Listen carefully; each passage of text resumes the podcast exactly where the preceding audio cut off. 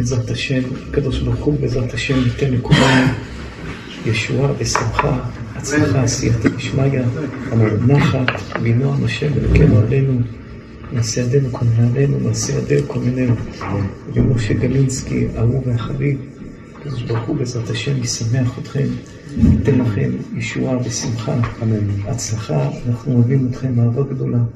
רבי יוסי זגה, צדיק, הצלחה, ישועה, סייעתא דשמיא גדולה, כולם אהובים, חביבים, אור גדול, שמחה גדולה, כל בני הקהילה הקדושה, שובה ישראל, תודה רבה צדיקים, כל מה שאתם מעתירים בעדינו, מתפללים עלינו, אנחנו צריכים כל תפילה.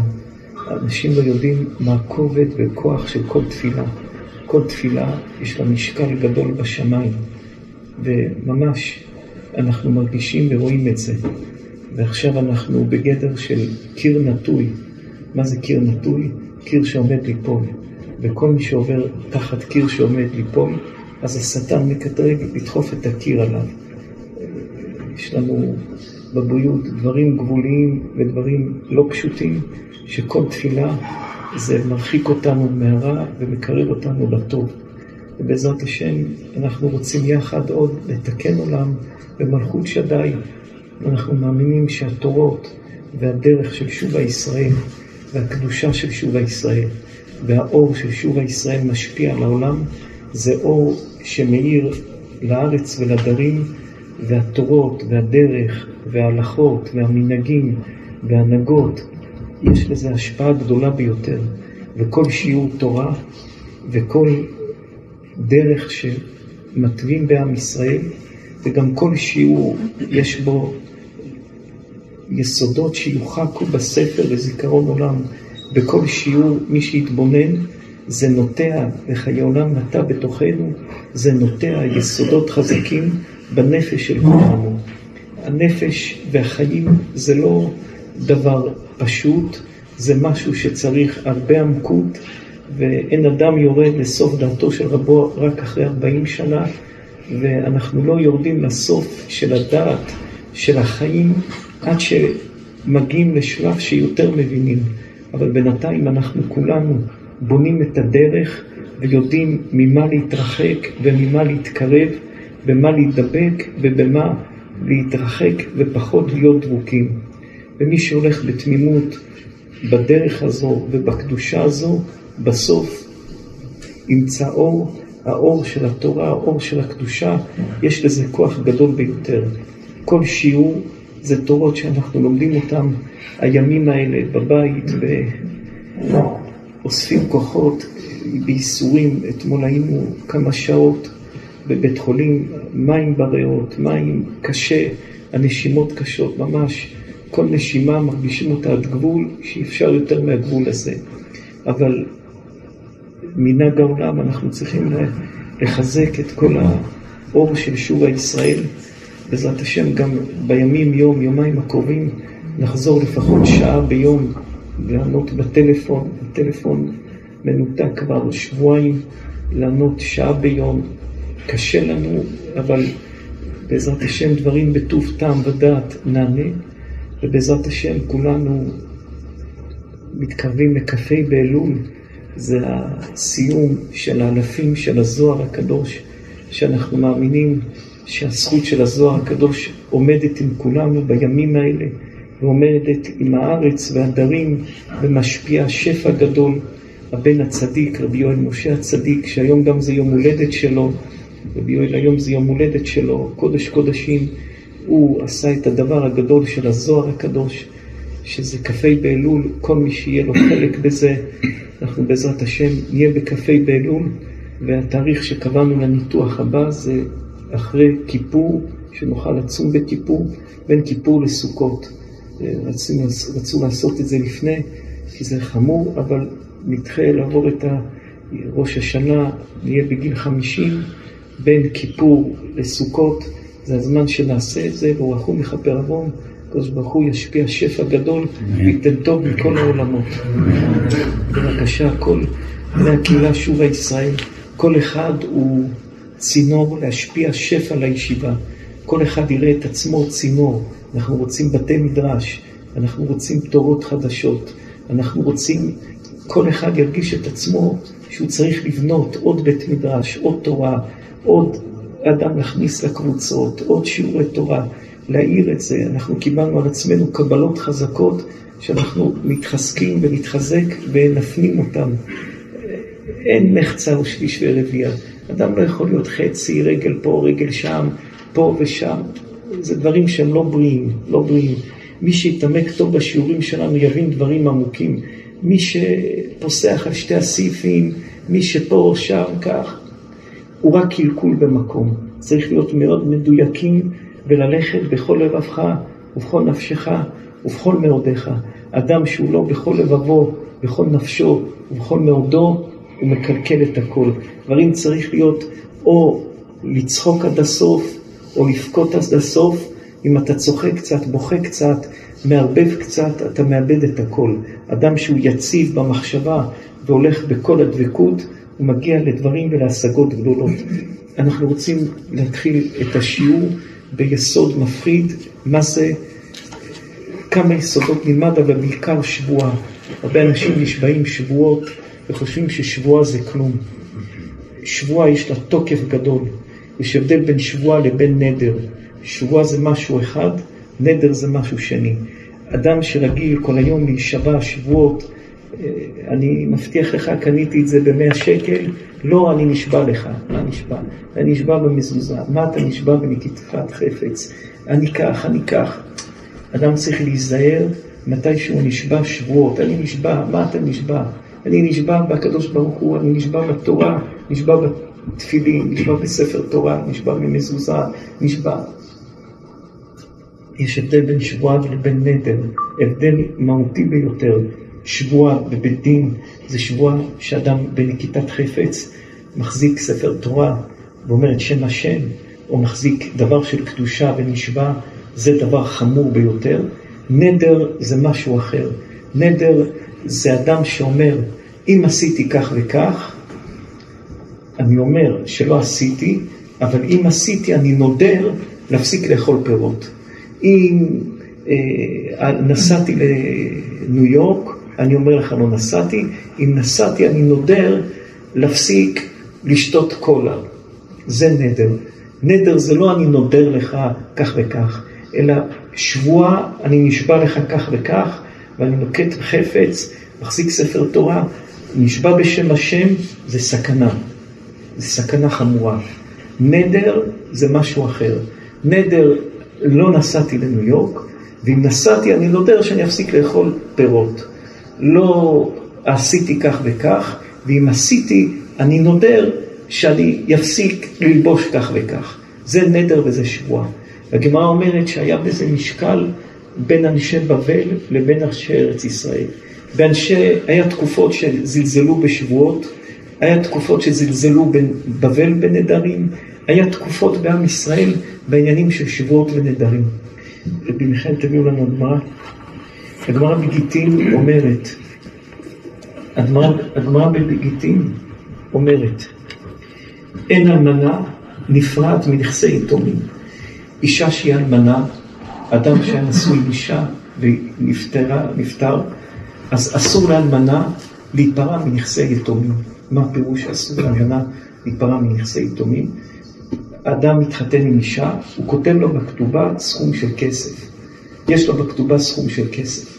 ומתי שיש לה בכתובה סכום של כסף, בעלה נפטר, אז היא באה ליתומים, ואומרת ליתומים, אני רוצה לפרוע, רוצה כסף של הכתובה. כמה כסף היה בכתובה? אני רוצה כסף בכתובה. עכשיו יש דין שאסור לבוא ליתומים לקחת כסף בלי שבועה. חכמים רצו להגן על היתומים, אדם נפטר, יבוא אדם יגיד, הוא היה חייב לי כסף, הוא היה חייב לי כסף, וככה הם יפרקו ליתומים את כל הכסף שלהם.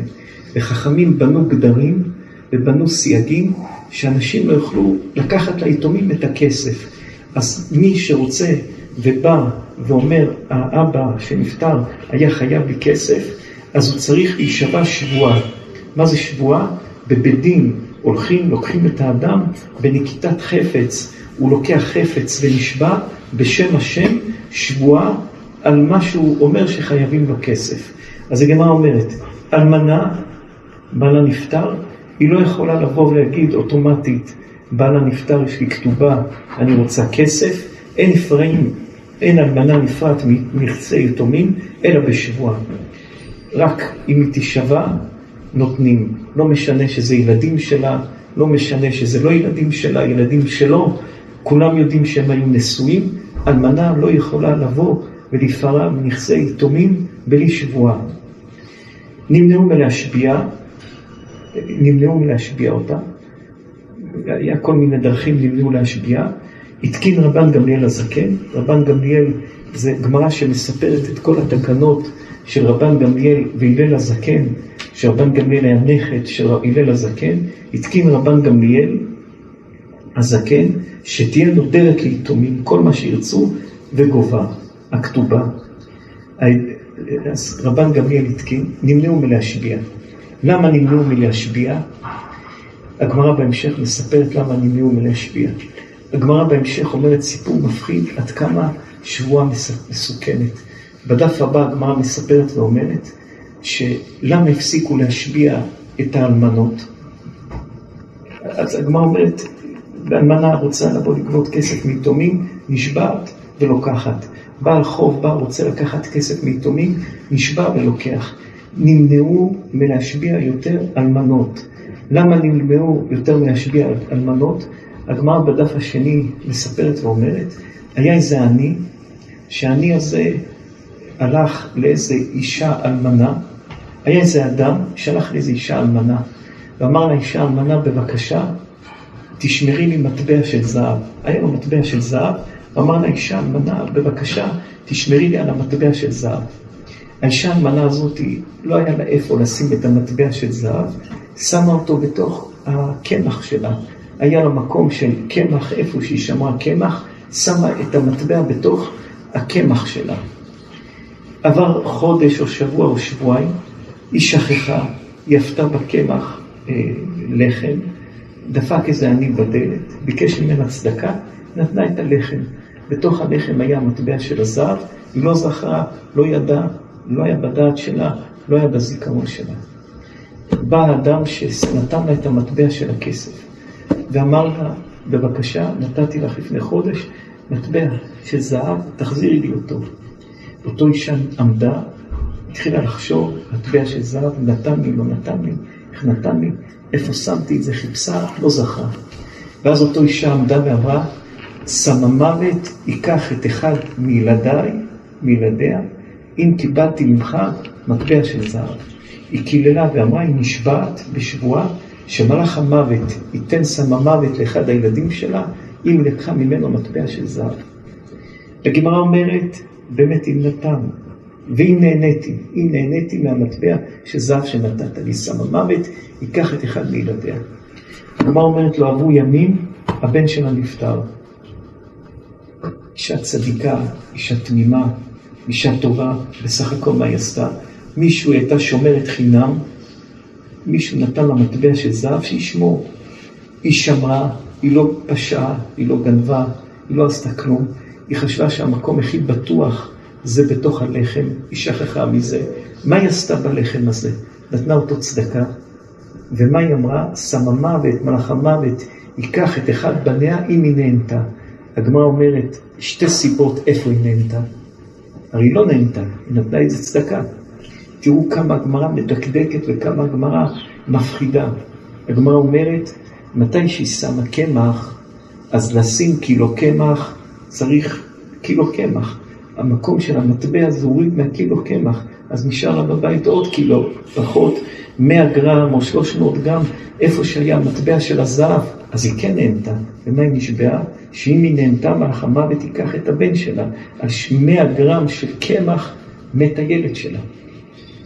ודעה שנייה, הגמרא אומרת שאותו עני שקיבל את הכסף, את הלחם, חתך ודאי את הלחם בשבת או מתי שאכל, ופתאום מצא מטבע של זהב.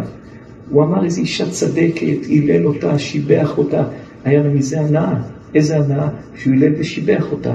אז היה לה פה או הנאה כזו או הנאה כזו, או הנאה שיותר קמח בבית שנשאר, והיא נדרה ונשבעה שהיא תקופח, יקפח בן שלה אם היא נהנתה, וכן היא נהנתה. ודעה שנייה, שאותו אני התחיל לשבח אותה לא רק על הלחם, אלא גם על המטבע של הזהב שהיא נתנה לו.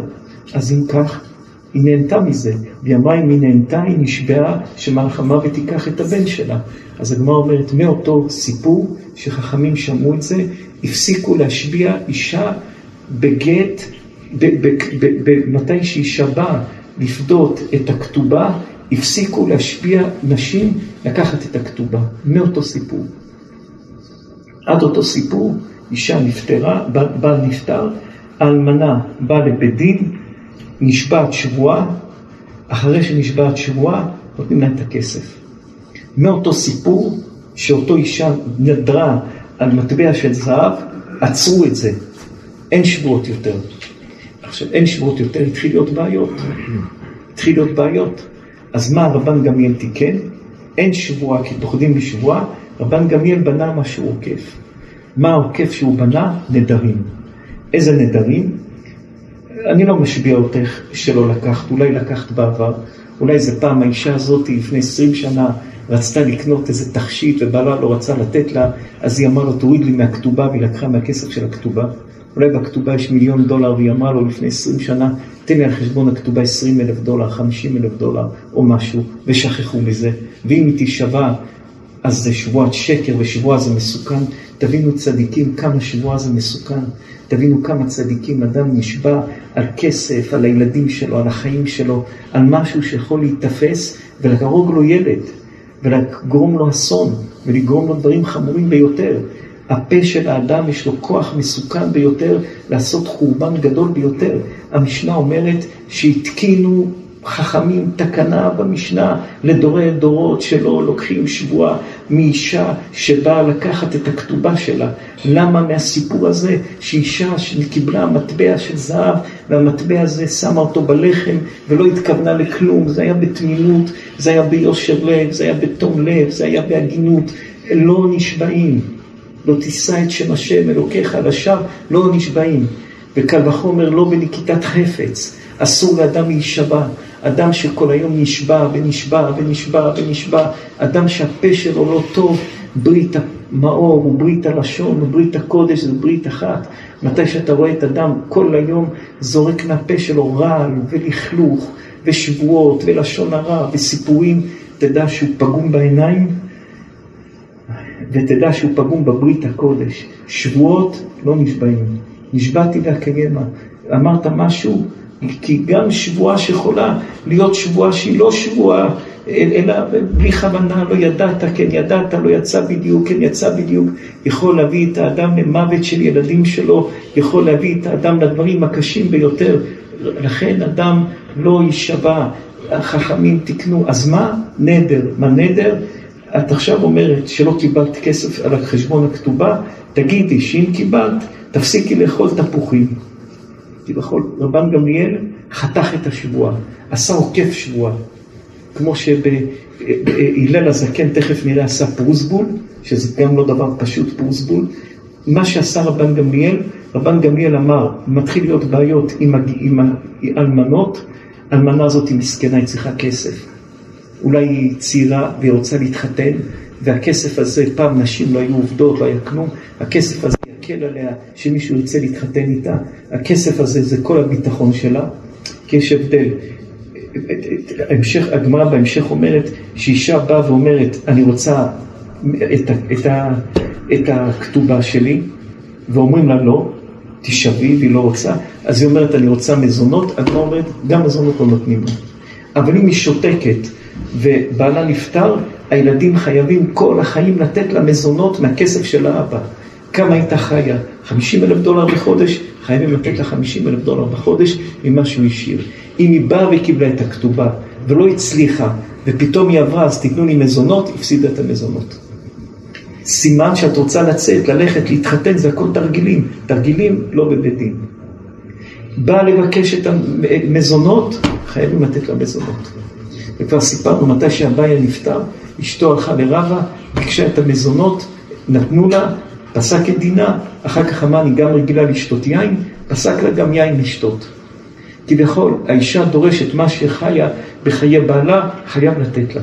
היא מבקשת כתובה ולא מקבלת ועוברת למזונות, לא נותנים לה מזונות. אז התקנה של רבן גמליאל, שרבן גמליאל תיקן, רבן גמליאל תיקן, הפסיקו להישבע לאלמנה, אין בעיה, לא נשבעים זה מסוכן, שבועה זה דבר מסוכן. עקפו את השבועה בנדר תנדרי, שנדר זה פחות, שבועה זה יותר, נדר זה פחות, תלוי גם בתקופות, בירושלים, בארץ ישראל, בבבל, ירושלמי כתוב משהו, בבלי כתוב משהו, אבל בכל אופן, שבועה אז היה משהו כבד ועד היום זה משהו כבד ומסוכן, אז היא לא נשבעת, העבירו את זה לנדר. בנדר נודרת, אם לק... אני נודרת שלא לקחתי כלום, ואם לקחתי, אני אפסיק לאכול זה וזה. אני אעשה, אפסיק כך וכך. ככה המשנה אומרת. פה תקנה שהתקינו, רבן גמליאל בבית דינו, שיהיו העדים חותמים על הגט. הרי איך מביאים גט? הגמרא במסכת גיטין בתחילת המסכת אומרת, המביא גט צריך להגיד בפניי נכתב, בפניי נחתם. היו מוסרים גט ואומרים, אני ראיתי שכתבו וחתמו. לפניי נכתב. ולא היו חותמים על העד, על הגט. מספיק שתי עדים שאומרים, אני ראיתי שהביאו את הגט. התחיל כל מיני סיפורים שהאישה באה ואמרה, אני קיבלתי גט. היו איפה העדים? מחפשים את העדים, לא היה טלפון, לא היה כלום. לא יודעים מעדים, היה מתחיל להיות בעיות, ונשים היו נכנסים לספק אשת איש. אז עוד תקנה תיקנו, שיהיה עדים שחתומים על הגט. לא מספיק עדי מסירה, עדי ראייה ועדי מסירה, עדי ראייה קרתי או עדי מסירה קרתי, לא מספיק עדי ראייה ועדי מסירה, אלא צריכים שיהיה עדי חתימה. תקנו גם בגט שיהיה עדי חתימה שיחתמו על הגט. המשנה ממשיכה ואומרת, למה עשו את זה? מפני תיקון העולם. תיקון העולם. חכמים תמיד הסתכלו על העולם, שהעולם יהיה מתוקן, שאנשים יהיה להם גבולות. גבול זה משהו מאוד חשוב בחיים. גבול צריך להיות בין בעל ואישה, בין אבא וילדים, בין חברים, בין שותפים. גבול זה משהו מאוד מאוד חשוב. כמו שיש גבול בין מדינות, יש גבול שיש גבול קשוח, סוריה וישראל, לבנון וישראל זה גבול קשוח. יש גבול שהוא גבול יותר ידידותי, בתוך אירופה עוברים ממדינה למדינה, בתוך אמריקה גם זה איזשהו ניו יורק, לוס אנג'לס, זה גם גבול יותר ידידותי, תלוי איזה גבולות, אבל כל אדם צריך לראות מי עומד לידו, מי השותף שלו, מי החבר שלו, אם זה חבר תקיף או שותף תקיף, או אדם אלים מילולית או אלים נפשית, תבנה גבול, לפעמים גבול קשוח, לפעמים גבול יותר ידידותי, אבל אין בחיים מציאות של שתי אנשים בלי גבולות. אבא וילדים צריך גבולות, בעל ואישה צריך גבולות, רב ותלמיד צריך גבולות, חבר וחבר צריך גבולות, שותף ושותף צריך גבולות. לפעמים הגבול הוא קשוח כמו עם צפון קוריאה או כמו עם לבנון, ולפעמים הגבול הוא גבול ידידותי, כמו בתוך אמריקה בין מדינה, ניו יורק, ניו ג'רזי, תלוי הגבול, אתה צריך לדעת את החבר, לדעת את השותף, לדעת את הבן זוג, לדעת את הילד, לדעת את האבא, ולבנות את הגבול על פי הפרטנר שלך. ואם לא תבנה את הגבול על פי הפרטנר שלך, והגבול יהיה פרוץ, יתחיל הברחות בגבול, יתחיל קלקולים בגבול, יתחיל להיות הפקר בגבול. כל אחד צריך לבנות את הגבול שלו עם כל אדם בעולם, בצורה נכונה.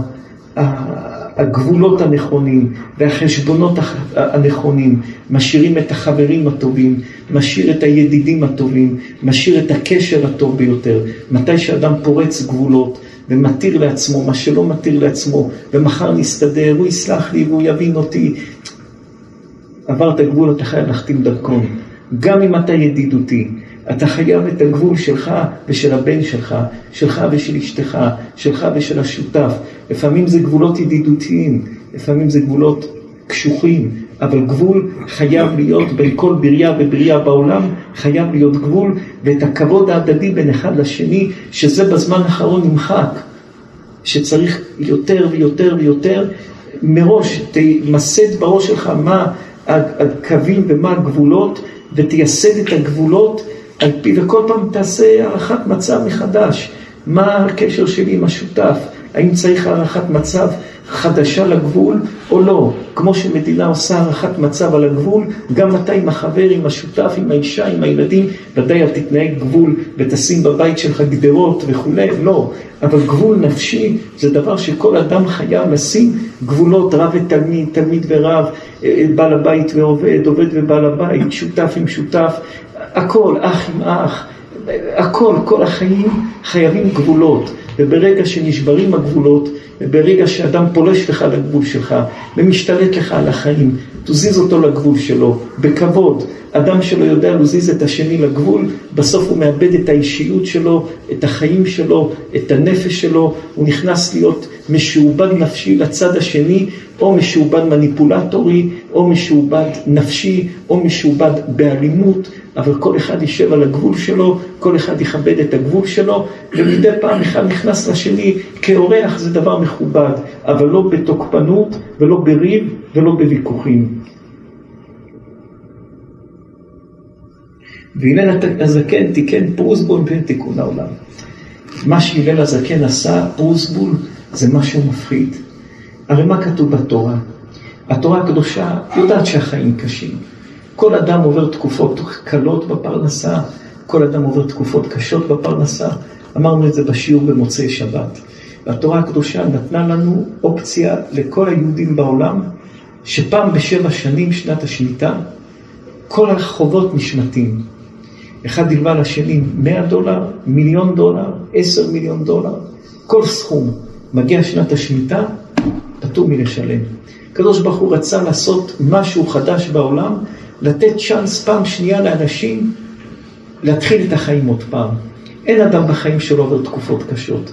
אז התורה אומרת, כל שבע שנים בשנת השמיטה, כל החובות שיש לכולם, כל החובות נשמטים נמחקים. הלווית לו מיליון דולר, הפסיד. זהו, שמיטה, מחק את הכסף. 100 מיליון דולר, מחק את הכסף. אז הלל הזקן ראה שיש בעיה גדולה. אנשים מפסיקים להלוות כסף. למה? אנשים אומרים, אני אלווה כסף, האדם ייקח את הכסף, יגרור אותי מחר, היום, עוד שבוע, עוד חודש, עוד חודשיים, עוד שנה, עוד שלוש שנים, יגיע לשמיטה, השמיטה תמחוק את החוב, הלך החוב, אין לי מה לעשות. אז אפילו שכתוב בתורה הקדושה על השמיטה, שהשמיטה משמטת את הכספים, שזה פסוק מפורש בתורה, הלל הזקן, תראו כמה כוח יש לחכמים. הלל הזקן עקף את התורה, עקף פסוק מהתורה, כמו שאמרנו לפני שבועיים או שלוש על אה, סוטה, שאישה שסטתה, נותנים לה מים לשתות והייתה מתה. הגמרא אומרת, מי המנאפים, מתי שנהיו יותר מדי נעוף, ביטלו את המי סוטה, ביטלו. כי בכל יש לחכמים כוח לבטל משהו שכתוב בתורה. הלל הזקן לקח פסוק מהתורה של שמיטת כספים וביטל אותו בתחכום. מה התחכום שהוא אמר? אמר אנשים, תיקון העולם, אנשים הפסיקו להלוות לאנשים כסף. הם יפחדו בשנת השמיטה, ואז אנשים לא ילוו, ואנשים לא יהיה להם איך להתפרנס, וצריכים כסף, אנשים לא יכולים לחיות הכל מהכסף שלהם, צריך להלוות, לקנות בית. היום קשה לקחת קרדיט פה, לקחת הלוואה פה, כולם מתגלגלים, כולם חיים, כולם חיים בכל מיני צורות, כל אחד, כל אחד מביא את הפרנסה שלו. אז הלל הזקן תיקן, פרוסבול, כביכול אני לא מלווה לך את הכסף, אני מלווה על דעת בית דין. ובית דין, גם אם בא שנת השמיטה, אתה לא מחזיר לי את הכסף, אתה מחזיר לבית דין, ובית דין מחזיר לי את הכסף. כביכול הלל עשה עוקף שנת שמיטה. הלל, שנת שמיטה אומרת, זה פוסל, פוגם, מוחק את כל החובות. הלל אמר, אתה לא מלווה לי, ההלוואה היא לבית דין. ובדין הם גובים ממך גם בשנת השמיטה, בדין פורעים את שנת השמיטה, מפרקים את שנת השמיטה, אתה חייב להם את הכסף והם מחזירים לי. כביכול הלל הלך ועשה תחכום על פסוק בתורה, ולקח פסוק מהתורה ופירק אותו בכבוד, והשאיר שאנשים ימשיכו לעלות כספים. משום תיקון העולם, ככה שהעולם לא יגיע למצב שאנשים יפסיקו להלוות כספים, והעולם ייתקע, ואנשים לא יהיה להם איך להתפרנס, ואנשים צריכים להלוות כסף. כל אחד זה מלווה מהבנק, זה מלווה מחבר, זה מלווה מפה, זה מלווה משם. שמיטה מוחקת את הכל, שזה לא ימחק משום תיקון העולם. הלל הזקן תיקן פוסבול, שזה משהו אה, מרדני ביותר במחשבה, זה צריך להיות אומץ גדול לעמוד ולבנות פוסבול, לפרום פסוק מהתורה, אבל זה כוח של חכמים, את אשר יורוך, גם אם הרב אומר לך ששמאל זה ימין וימין זה שמאל, הלל משום תיקון העולם תיקן פוסבול. אז אנחנו רואים פה במשנה הזאת כמה דברים שתיקנו הנכד של הלל רבן גמליאל הזקן, תיקן, גובים מיתומים, איך גובים רק על ידי שבועה, אחר כך התיר את השבועה, הפסיקו להישבע, אחר כך אמר ייקחו דרך נדר, התיר, אמר שגט, שבאים לתת גט, לחתום מפני תיקון העולם, שלא יגידו שהעדים מתו שקרים, אז צריך חתימה, והלל הזקן, הדבר הכבד ביותר, התקין פוסבול, שזה עוקף את הכל, אלה התקנות שהמשנה מספרת לנו שבאותו דור תיקנו. מישהו רוצה לומר משהו צדיקים? כמו גם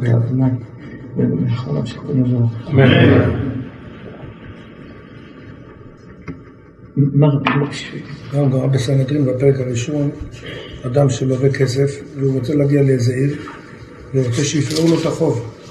ואם הוא לא יפרעו לו את החוב, אז צריך כאילו יכול שיהיה שם שני דיינים, כדי שייתנו לו, שישבו בדין. אז הגמרא אומרת ששם גם התירו שלא צריך שני דיינים. למה?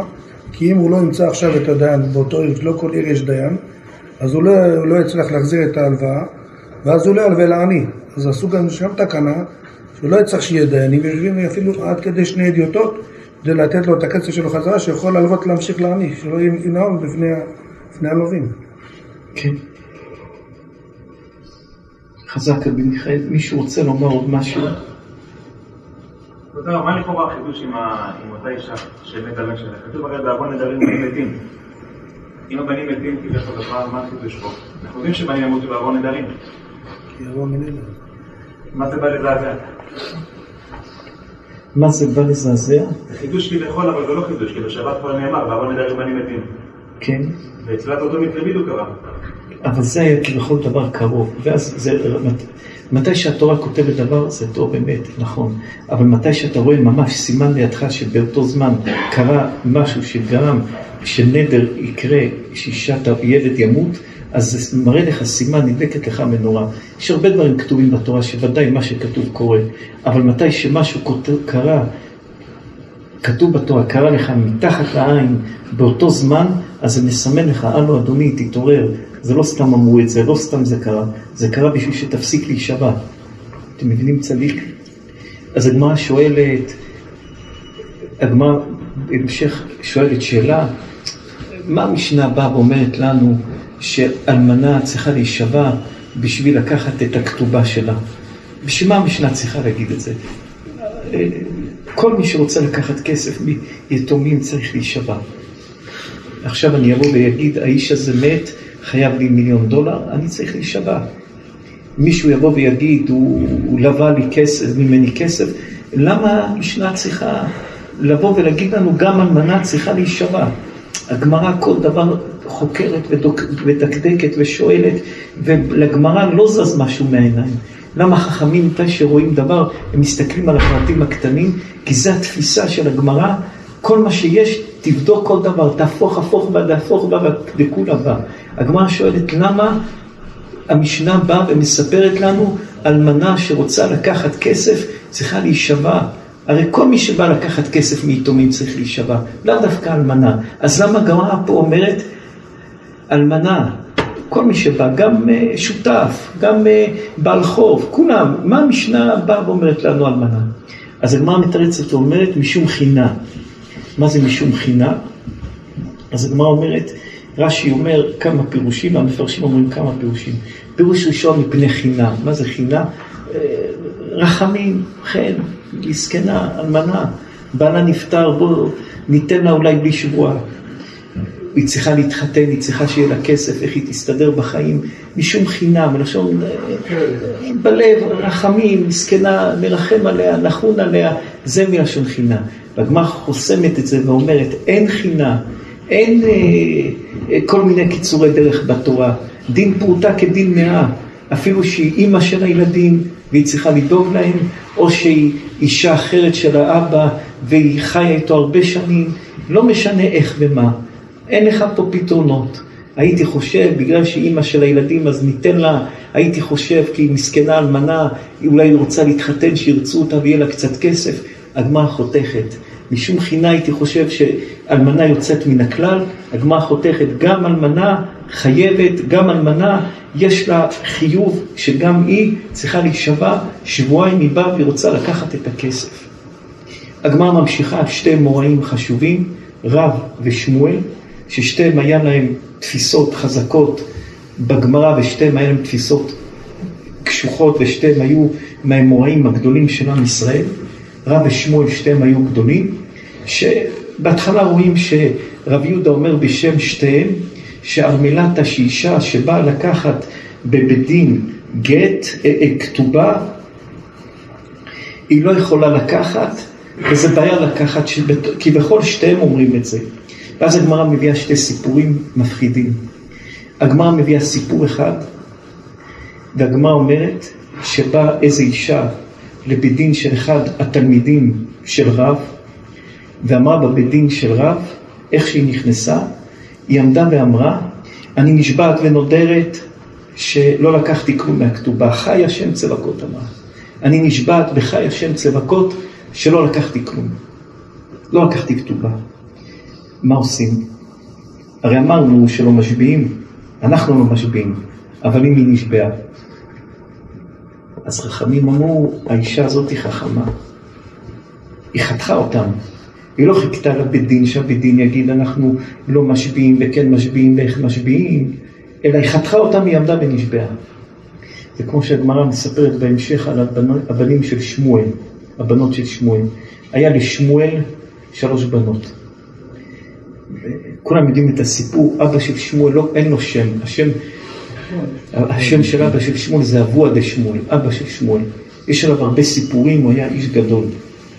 יש עליו הרבה סיפורים שהוא הלך לדרך והוא ראה ברוח הקודש שהלילה עם אשתו תתעבר, ייוולד לו בן צדיק, עושה קפיצת הדרך, היה עם אשתו, חזר, פתאום אשתו הייתה בהיריון, ואז כולם ריננו ואמרו מאיפה היא בהיריון, הרי הוא היה בחוץ לארץ. לכן קראו אבוה דה שמואל, שכולם ידעו שהוא אבא של שמואל, ששמואל היה בן שלו, שלא ירננו עליו.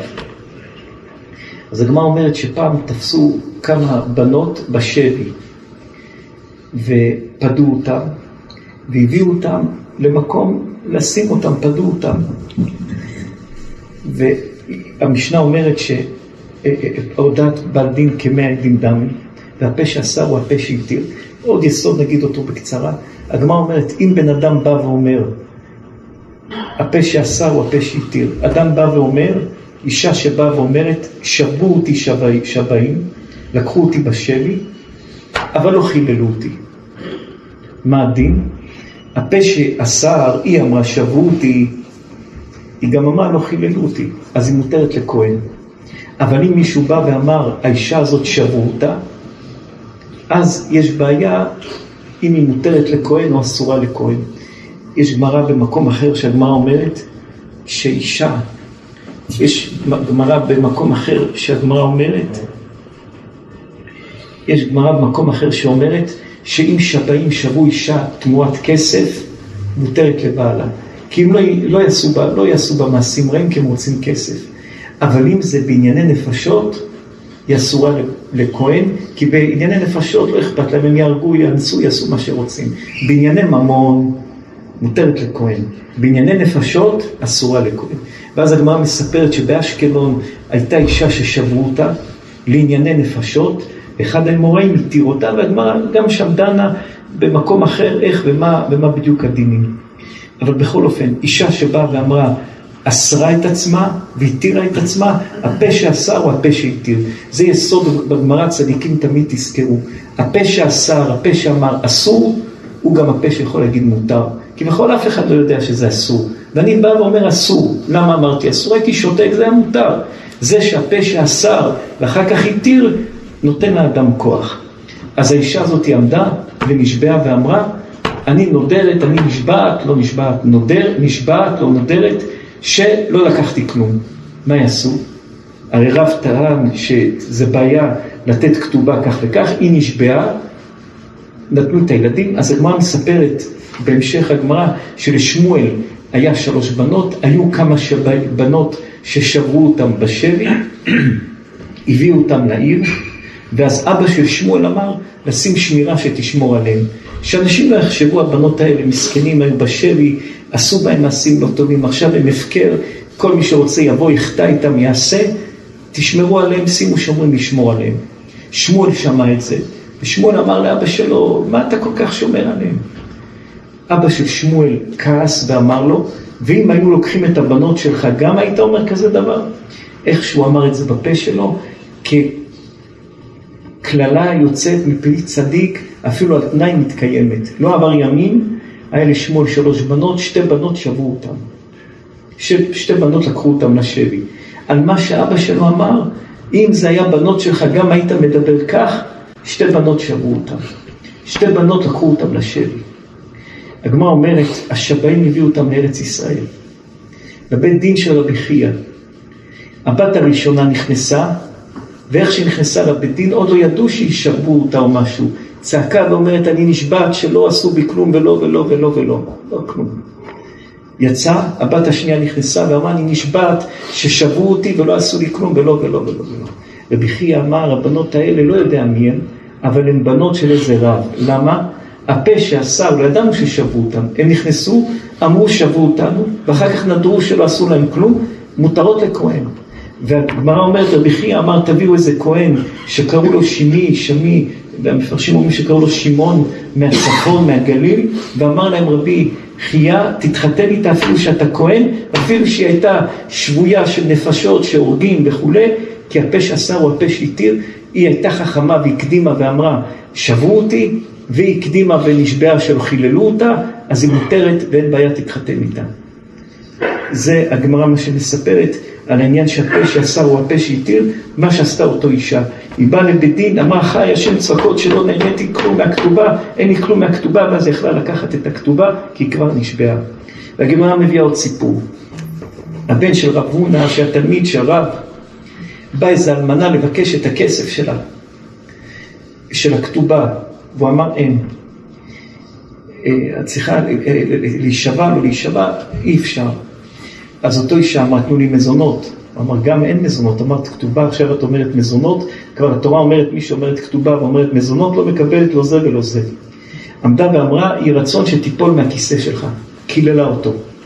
הגמרא אומרת, התלמידים פחדו מהקללה, אישה אלמנה מקללת את הרב, לקחו את הכיסא שלו והפכו אותו, כביכול מה שהיא אמרה, תיפול מהכיסא, הפילו את הכיסא שהקללה שלה כביכול תהיה תיאורטית ולא יקרה לו איזה אסון.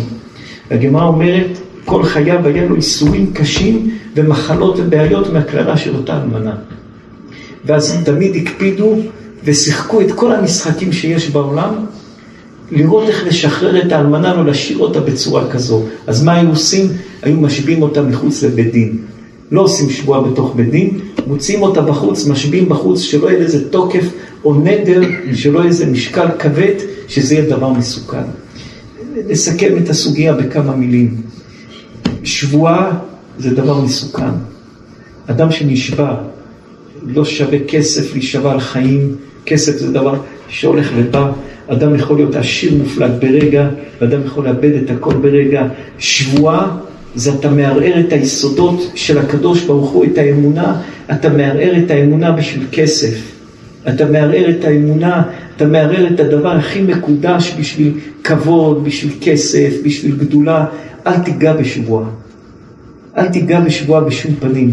זה יכול להרוג את הילדים, זה יכול להביא קללה, וגם אם אתה חושב שבטווח קצר הרווחת, הטווח הארוך הפסדת, הפסד גדול שאין לו שני. אז בשום פנים ואופן אל תשחק בשבועה. שבועה זה דבר שלא משחקים בו בשום פנים ואופן. אדם ייזהר משבועה דבר בצורה קשה ביותר. שבועות לא משחקים בשבועות. ודבר שני, שאדם צריך לשמור על עצמו, אלמנה, לדעת איך להתנהג איתה, אדם שהוא מסכן, אדם שהוא חלש, לדעת איך להתנהג איתו, לדעת איך להתנהל איתו, ולא חס ושלום לאבד דברים גבוהים וקדושים בשביל דברים שאתה לא בטוח בהם. ומתי שאדם מתנהג בדרך ישרה ובדרך טובה, הוא יכול להגיע ולהשיג השגות ודברים גדולים ודברים חשובים. מי רוצה צדיקים לומר על זה משהו? עניין של שבועה זה דווקא על שקר, זה לא, לא על אמת. אם אדם עכשיו נשבע דבר... גם שבועה של אמת, אדם צריך להיזהר להישבע. יש שבועת הסת, מה פירוש שבועת הסת? שבועת הסת, הפירוש שעכשיו אני, איך אני אשבע על זה? אז דבר אחר אומרים לו תשבע על זה, זה בטוח כן, ודרך אגב כשאתה נשבע על זה, אז גם תזכיר גם את זה, זה נקרא שבועת הסת. אדם כל שבועה צריך להיזהר, לא להישבע. השבועה זה לא דבר שהוא בריא ולא דבר שהוא טוב לשום אדם בעולם. שבועה זה דבר שהוא לא טוב. כן, צדיק. בעצם הלשון, אני נשבע או דווקא אני נשבע? רק להגיד אני נשבע, נשבע. אני לא אזכיר אני נשבע, לא אזכיר כלום. לא צריך, בוודאי לא בנקיטת חפץ. ובוודאי לא בנקיטת חפץ. אדם לא, ינקור, לא ירים חפץ ויישבע. נקיטת חפץ זה דבר מסוכן ביותר, שאדם נשבע, מחזיק מזוזה, נשבע, מחזיק ספר תורה, נשבע, זה דבר שהוא קשה ביותר, דבר שהוא חמור ביותר. מי, מי, מי רוצה צדיקים לומר עוד דבר? כן, צדיקים. לגבי הפרת נדרים שאנחנו עושים בראש השנה, שאדם עושה תנאי, כל מיני נדרים ושבועות. קצת להתייחס לזה היום? אנשים עושים את ההתרה הזאת, במשך השנה, בלי חברה נשבעים, יש לזה תוקף חזק? זה דבר חשוב, טוב, אבל אדם צריך להיזהר. זה אדם שעשה איזה שבועה, צריך לחכם, ללכת לחכם שיתיר לו ולהגיד, מה עשית את השבועה, על מה? האם יש פתח להתיר את השבועה? התרת נדרים בערב כיפור וערב ראש שנה זה דבר חשוב וטוב, יש לזה מעלה גדולה ביותר. אבל אדם לא יגיד, אני כבר למפרע פורע את הכל בערב כיפור, לא. אדם צריך להיזהר מה שהוא נשבע, אדם צריך להיזהר מה שהוא מוציא מהפה שלו. כאן נדרים אצל מומחה כבוד הרב. היום יש לנו גדר של חכם מומחה שיכול להתיר נדרים, לפתוח פתח. יש לה גמרא שאומרת על אותו המורה שנדר, לקחו אותו לאיזה פנה והוליך אותו וציער אותו והכל, ורק אחר כך על דעת זה נדרת ועל דעת זה נדרתי ואז הוא התיר. היום אנשים נודרים כל מיני נדרים, הולכים לחכם, פותח להם פתח ומתיר להם. רבי, רבי אברהם צדיק, אמרנו כמה פעמים, גם רבנים היום צריך להיזהר, מה רבנים, איזה רבנים, איך רבנים, גם מכשילים רבנים, יש רבנים שהם מבינים כמו רופא משפחה, מבין באוזן, לתת טיפות אוזניים, טיפות עיניים, קצת כאבי גרון, להגיד שיעור יפה, מוסר, כך. יש רבנים שזה חולה לב, לחולה לב, יש חולה כבד, יש לסרטן, ויש רבנים של הכל. אז גם אדם שהולך לרב ושואל רופא אוזניים מה עושים עם סרטן בלבלב, אתה מכשיל את הרופא, מה יגיד לך? תיקח טיפות אוזניים? אז גם מכשל, עברת לפני עיוור לא תיתן מכשול, אתה לא יודע מה אתה עושה, אתה מכבד אותו יפה, כן, יש לך כבוד בתורה, אבל אתה מכשיל אותו ואתה נכשל. גם הדברים האלה אדם צריך להיזהר מה הוא עושה.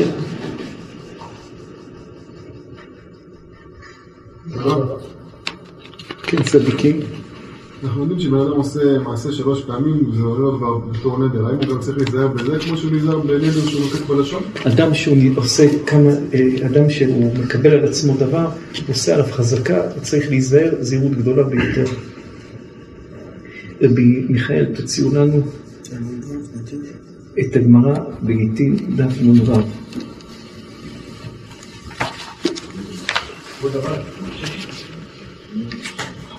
כן, צדיקים. האם אדם שעשה נדר במחשבה, חשב על משהו ואמר, רק חשב, לא הוציא מהפה, אמר, אם חס וחלילה היה לו מצב של מצוקה, וחשב, אם אני אצא מהמצב הזה, אני אשמור שבת. לא, לא הוציא מהפה, חשב. האם זה נחשב, האם זה נחשב שבועה או נדר? עוד פעם, צדיק. אדם רק חשב, היה בזמן של מצוקה, ודיבר בראש, אנחנו מושבעים לפני שנולדנו לאוויר העולם, בא מלאך ומשבע את האדם, תהיה צדיק ואל תהיה רשע, נשבעתי ואקיים, אנחנו כולנו עומדים בשבועה לקיים תורה ומצוות, לשמור שבת, אנחנו כבר מושבעים. אדם שהוא עובר עבירה, הוא, הוא מפר נדר שהוא נשבע. באופן כללי, אדם שחשב אני אתן צדקה, אני אעשה מעשה טוב ולא עשה, אז יש מחשבה, יש מחלוקת האם מחשבה טובה הקדוש ברוך הוא מצרפה למעשה, ומחשבה טובה הקדוש ברוך הוא אינו מצרפה למעשה. אשתי בו צדיקים ישמעו.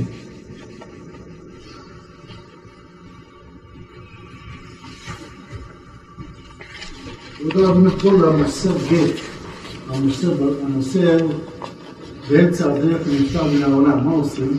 אז הגמרא אומרת זה סכנה, מה שאליעזר עבד אברהם, מה שבתואל רצה לעשות, או להרוג אותו, ואז הוא שלח שליח לקדש את רבקה, ואם הוא היה מת, כל אישה בעולם הייתה בסכנה שהיא לא אשתו של יצחק, ואז הוא היה פוסל אותו לא להתחתן לעולם. של פסח, ביקש לעקוב.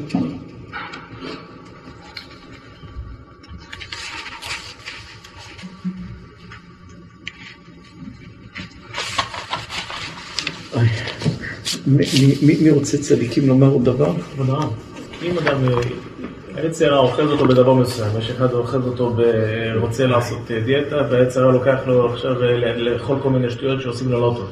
אדם רוצה אתם להפסיק לעשן חושבים סיגר. שדיאטה זה יצר רע? לאכול, אדם, יצר רע הוא מעבר לדיאטות. יותר מתוחכם מדיאטה.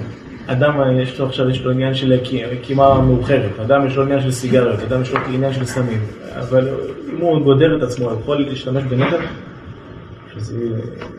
לנדור, לא לאכול, לא לאכול דברים מזיקים לו, או לא לעשן, או לא כך. וזה הנטל הזה, יש לו יראת שמיים, אבל זה באמת מה שמחזיק אותו. אתם יודעים מה זה נדר? שאם אני אעשה כך, אני לא יכול לעשות כך. זה נדר. שבועה זה שבועה ונדר זה נדר. זה שתי דברים שונים. נדר ושבועה זה לא אותו דבר. מה שאמרנו, שבועה, נשבע, נשבע, בנקיטת חפץ, 1, 2, 3. נדר זה אם אני לא עשיתי, אם אני לא יאכל או יעשן, אז אני אצטרך לתת אה, אלף שקל צדקה לא כל אכילה. זה נדר. שבועה זה שבועה, נדר זה נדר. שתי דברים שונים. מה צדיק? נדרים.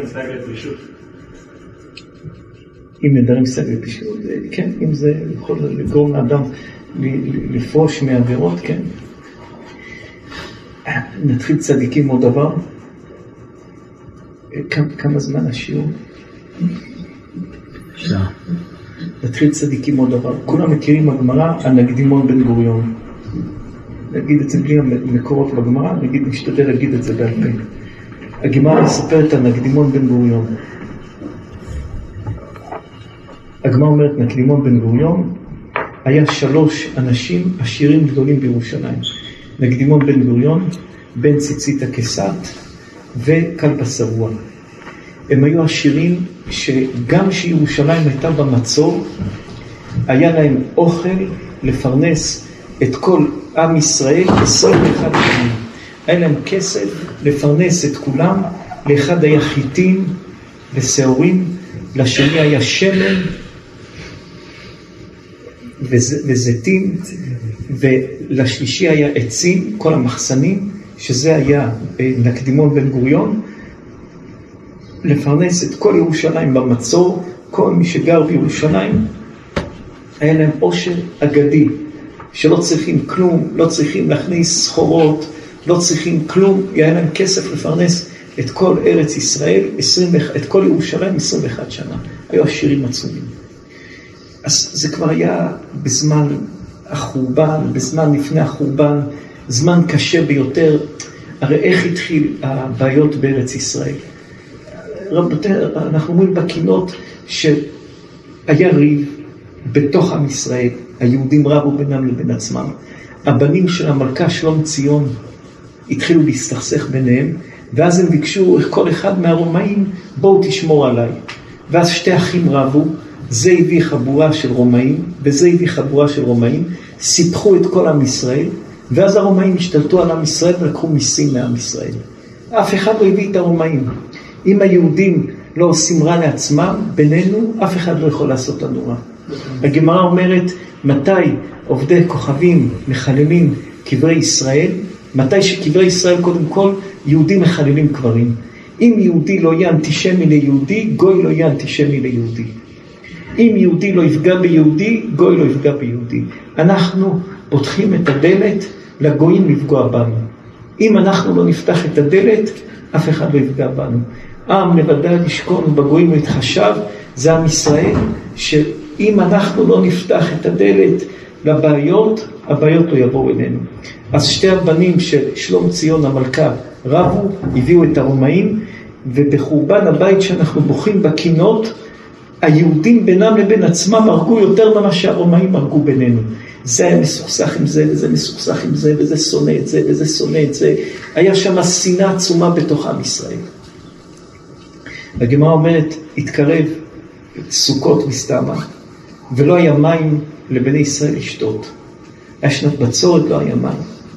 הלך נקדימון בן גוריון, שהגמרא אומרת שהוא היה אחד מהשלוש השירים של ירושלים, כלבא סבוע חמיב של רבי עקיבא, בן ציצית הכסת ונקדימון בן גוריון. הגמרא אומרת שהוא, נקדימון בן גוריון, איך הוא היה עושה חסד? הוא היה הולך רק על, על, על שטיחים הכי יקרים בעולם. הוא לא היה דורך אם זה לא שטיח יקר. עכשיו הוא הולך לבית כנסת, סוללים שטיחים, כל השטיחים שסללו חדשים, מקפלים, עניים לוקחים. הוא הולך למשרד, סוללים שטיחים על הרצפה. כל השטיחים עולים אלפים, העניים לוקחים. ככה הוא היה נותן צדקה לעניים. והוא היה אחראי על כל העץ, כל המחסנים של החיטה, של השעורה, הוא היה עשיר יותר מכולם. והגמרא אומרת, למה קוראים לו נקדימון בן גוריון? כי נקדה, השמש עמדה בשמיים בזכותו. והגמרא ממשיכה ואומרת, שלוש אנשים, השמש עמדה במקום בזכותם. אחד, משה רבנו. שתיים, יהושע בן נון, שמש בגבעון דום. והשלישי, נקדימון בן גוריון. בכל ההיסטוריה של עם ישראל, שלוש אנשים התפללו לאלוקים והשמש עמדה בגלל התפילה שלהם, משה, יהושע ונקדימון בן גוריון. משה רבנו, ספר דברים, על השמיים, משה רבנן של כל ישראל, כולנו, משה רבנו זה משהו מעל הראש של כולנו, משה רבנו זה משה רבנו. יהושע בן נון גם כבש את ארץ ישראל, חילק את ארץ ישראל. מי לנו גדול מיהושע בן נון? מרבנן גדול שמו. כל אדם שכתוב בתורה בלי רב, מרבנן גדול שמו, השם שלו גדול יותר מלקרוא לו רב. שמואל, אביי, כל האמוראים שהיה השם שלהם בלי רב, מרבנן גדול שמו, השם שלו גדול, ושלא צריך לקרוא לו רב, הוא רבי אומה מרבנן גדול שמו. משה, יהושע ונקדימון בן גוריון שהשמש עמדה בשבילו. איפה הוא נעלם? למה לא מזכירים אותו? מוזכר עוד פעם בתורה? זהו, לא מוזכר. לא מצאנו יהושע בן נון, מצאנו יהושע בן נון, קדוש, צדיק, מצאנו משה רבנו, קדוש, צדיק, גדול. נקדימון בן גוריון, מה, מה מצאנו? אני אספר את הסיפור שלו. הגמרא מספרת, הייתה שנת בצורת, הגיע רגל, מסתם מה זה סוכות, ולא היה לעם ישראל מה לשתות. הלך נקדימון בן גוריון לאיזה שר רומאי, גוי רומאי, ואמר לו, בבקשה, תיתן לי 12 בארות של מים, 12 מעיינות, בארות של מים, ואני עד תאריך כך וכך אחזיר לך אותם מלאים במים. אמר לו השר, ואם לא תעמוד במילה, אז הוא אמר לו, אני נותן לך 12 כיכרות של זהב, סכום עצום ביותר, זה יהיה תמורת זה. אם אני לא אביא לך עד התאריך, תיקח את הכיכרות של הזהב.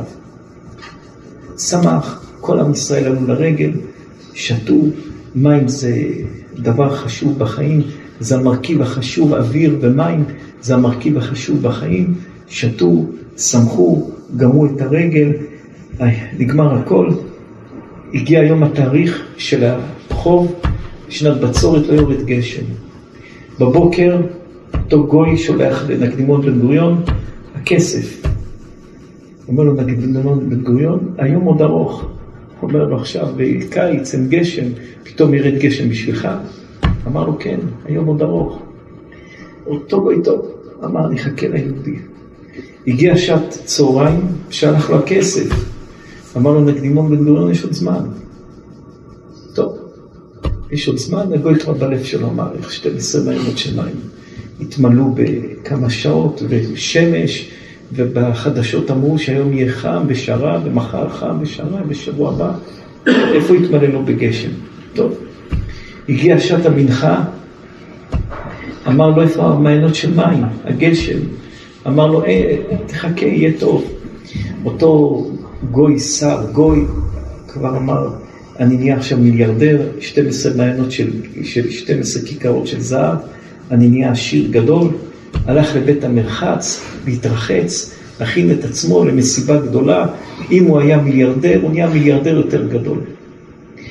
באותו זמן, כבר שעת המנחה, הלך נקדימון בן גוריון לבית המקדש והתפלל ואמר ריבונו של עולם, לא לכבודי עשיתי ולא לכבוד בית אבא, אלא להרבות כבוד בישראל. אני לא עשיתי את זה לא בשביל הכבוד שלי ולא כלום, עשיתי את זה לשם כבודך. מתי שיצא הקל והשבוע אה, אה, אה, להקדימון בן גוריון מבית המקדש, אותו גוי יצא מבית המחץ, התחיל לרדת גשם. אמר אותו גוי לנקדימון בן גוריון, אני יודע שאלוקים עזר לך, אבל בבית משפט אני אנצח אותך, הכסף שלי. שאל אותו למה? אמר כאן, כבר החשיך. ואם החשיך, קבענו היום, כבר חושך, זה לא שלך. אני בבית משפט אנצח אותך, הכסף אני לא מחזיר לך אותו. אמר לו תחכה, חזר נקדימון בן גוריון לבית המקדש, התפלל ואמר, ריבונו של עולם, תראה לעולם שיש לך אוהבים.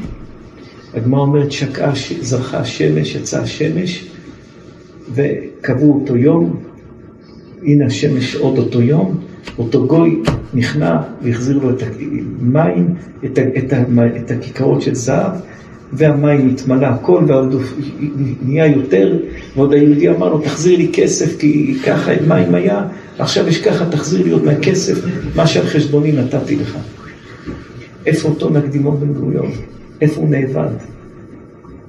איפה, איפה נקדימון בן גוריון הזה? למה, הוא היה אדם כל כך גדול, למה לא שמענו עליו יותר? איפה הוא הלך? הוא היה בעל צדקה, איפה הוא הלך יותר? איפה הוא הלך? למה לא שמענו עליו יותר בתורה? כזה אדם שהוריד גשם מעם ישראל, כזה אדם שבזכותו ירד גשם מעם ישראל, איפה הוא בתורה? למה לא שומעים עליו יותר? למעשה עם הבת שלו.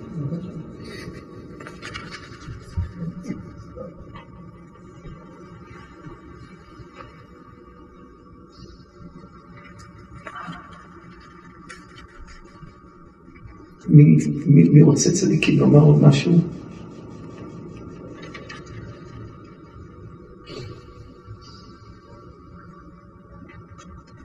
מה אומרת שהבת שלו תרצה לרבי רבנן בן זכאי שהוא עשה לכבוד עצמו את הצדקה.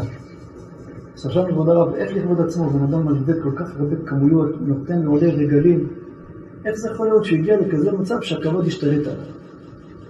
עם כזאת מציבה גדולה להציל את כל עם ישראל, לתת להם לעלות לרגל, הוא אומרת שהבת שלו אמרה שבגלל שהוא עשה לכבוד עצמו, הוא איבד את כל הכסף.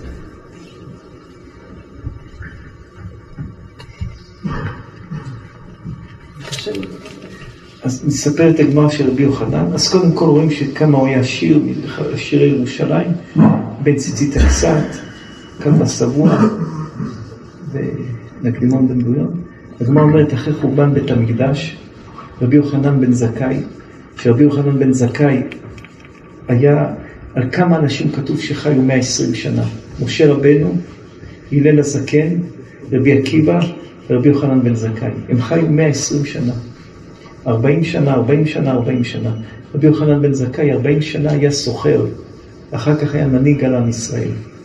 ובזמן החורבן, מתי שירושלים הייתה נצורה, הוא אמר לתלמידים שלו, הוא ראה שהיה את הפרושים, וראה שהיה את כל, ה... את כל השנאה בתוך עם ישראל, הוא אמר לתלמידים שלו, תעשו, היו מרשים להוציא רק אנשים מתים. הרומאים ירשו רק גופות להוציא לקבור מחוץ לירושלים. רבי יוחנן קרא לדוד שלו, שאיך קראו לדוד שלו? סיקרא. ואמר לו, אתה ראש הבריונים, תוציא אותי מירושלים. אמר לו, איך אני אוציא? אפילו שאני ראש הבריונים, אבל הבריונים הם קשים, הם יהרגו אותי. אמר לו, אני אתחבא כמו שאני מת, תשים אותי בארון מתים, ותוציא אותי בארון מתים.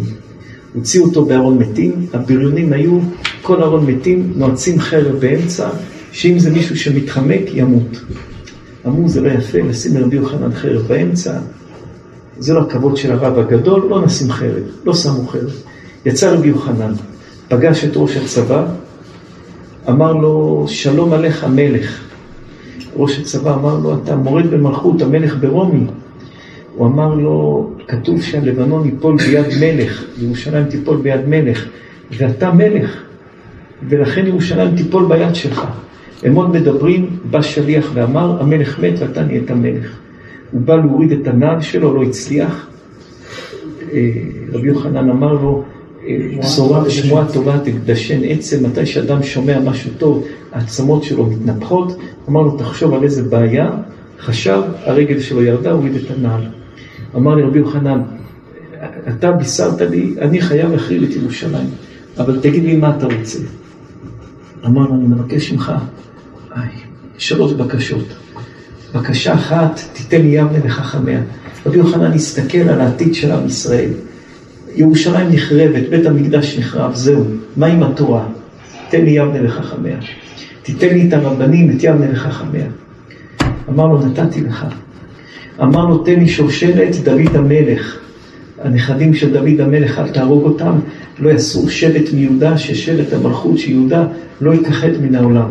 אמר לו, נתתי לך. אמר, לי, אמר לו, תביא לי רופאים שירפאו את רבי אלעזר המודעי, שהיה צם 40 שנה שלא תחרב בית המקדש. הגמרא אומרת, הוא היה אוכל כל לילה תמר, והיו רואים את התמר עובר בגוף שלו מרוב שהוא היה בצומות. אמר לו, נתתי לך גם את זה. הגמרא אומרת, באחד הימים רבי יוחנן היה הולך על גבי חמור מירושלים ליבנה או לאיזה מקום. פתאום הוא ראה ריבה, ריבה זה אישה, אוספת שעורה מבין הגללים של הבהמות. עצר רבי יוחנן, ובא הריבה לרבי יוחנן, ואמר לו, רבי פרנסני. הייתה ענייה גדולה, אישה הייתה ענייה גדולה, אמרה לו, רבי תפרדס אותי. אמר רבי יוחנן, אני מכיר אותך מאיזה מקום. ואמר לו, כן, אני בת של, של נקדימון בן גוריון. אני הבת של נקדימון בן גוריון, מהאיש העשיר הגדול בעולם, הבת שלו הייתה אוספת שעורים בתוך הגללים של החמורים, של הבהמות, מזה לאכול שעורים. אמר לה, איפה ממון אביך? אז היא אמרה לו, מתישהו, הגמרא אומרת שם שתי סברות, מתישהו נתן צדקה, הוא נתן את זה עם כבוד, הוא נתן את זה עם מטרה, הוא לא נתן את זה כמו שצריך, כמו שכתוב בהלכה לתת צדקה, ואם לא נותנים צדקה כמו שכתוב בהלכה, בסוף זה נאבק. הוא שאל אותו, איפה הממון של חמיך? חמיך גם היה עשיר. היא אמרה לו, בזה וקלקל את זה. כמו שאומר רבי אליעזר פפו, אם אדם עושה שותפות עם אדם רשע, בסוף יאבד את הכסף, גם הטוב שהוא הרוויח. לכן, הרחק מן הרשע או מן הדומה לו, אל תתחבר לרשע. גם אם עשית עסק עם אדם רשע והכסף שלך בא בצדקות, אתה תפסיד את הכסף שלך. אז מה אנחנו רואים? שהבת שלו מעידה עליו. מה הבת שלו מעידה עליו? הבת שלו מעידה עליו שהצדקה שלו לא הייתה צדקה פשוטה. הוא נתן צדקה שיפרסמו אותו, הוא נתן צדקה אה, כך, הוא לא נתן צדקה כמו שכתוב בהלכה. לתת צדקה זה צריך להיות כמו שכתוב בהלכה. את הצדקה שלו היא לא הייתה כמו שכתובה בהלכה. אז תראו, בן אדם שהשמש עומדת בזכותו, בן אדם שמגיע למקומות הגבוהים, הגבוהים, הגבוהים, הגבוהים, הגבוהים ביותר. השמש עמדה למשה רבנו, השמש עמדה ליהושע בן נון, והשמש עמדה לנקדימון בן גוריון, וגם גשם ירד בזכותו, מה שזה היה רק בזכות חוני המעגל, ואבא חילקיה, וקדושי עליון שהתפללו על הגשם. אז גם שמש עמדה בשבילו, וגם גשם ירד בזכותו, אבל דבר אחד היה, הכל היה משא ומתן עם אלוקים. אני נכנס, הוא לא, הוא גם הוא לא התפלל כל היום, הוא רק הלך בבוקר להתפלל, בצהריים, למה? זה המשא ומתן. וכמה כסף הוא נתן פיקדון? 12 כיכרות של זהב, למה 12? באותו תקופה היה מלחמה, אחרי 70 שנה כבר היה, התחילה נצרות, זה היה זמן מאוד מאוד עדין בעם ישראל, שכביכול, מה, מה זה הנצרות? הנצרות קוראים לעצמם אה, אה, דת האהבה. מה זה דת האהבה? מה הפירוש? כביכול אלוקים כבר שחרר אותנו, רק תאהב אלוקים איתך. אה, בחינם. רק תאהב אלוקים איתך. לא צריך יותר, מה, מה, מה, מה הדת הזאת אומרת? תאהב ואלוקים איתך. ואנחנו, אמר רבי חנא בן הקשיא, רצה הקדוש ברוך הוא לזכות את ישראל, לפיכך הבאנו תורה ומצוות. זה המלחמה של היהדות עם כל הדברים. היהדות זה לא קשה, תבוא לשיעור תורה. בן אדם, יש לו אישה, יש לו בית, יש לו ילדים אחרי יום עבודה, צריך לרכז את הראש לתורה. נצרות, מה, תלך תשמע שירים יפים, אה, דברים יפים, פעם בשבוע גמרת את הסיפור, תמשיך הלאה. דת של אהבה, אוהבים, הכל בחינם. תורה הקדושה זה חיי עולם נטע בכתוכנו, זה ללמוד, זה לצום, זה לשמור שבת, זה לתת צדקה, זה להניח תפילין, זה ללבוש ציצית, י"ז בתמוז, עשרה בטבת, אה, אה, כל היום.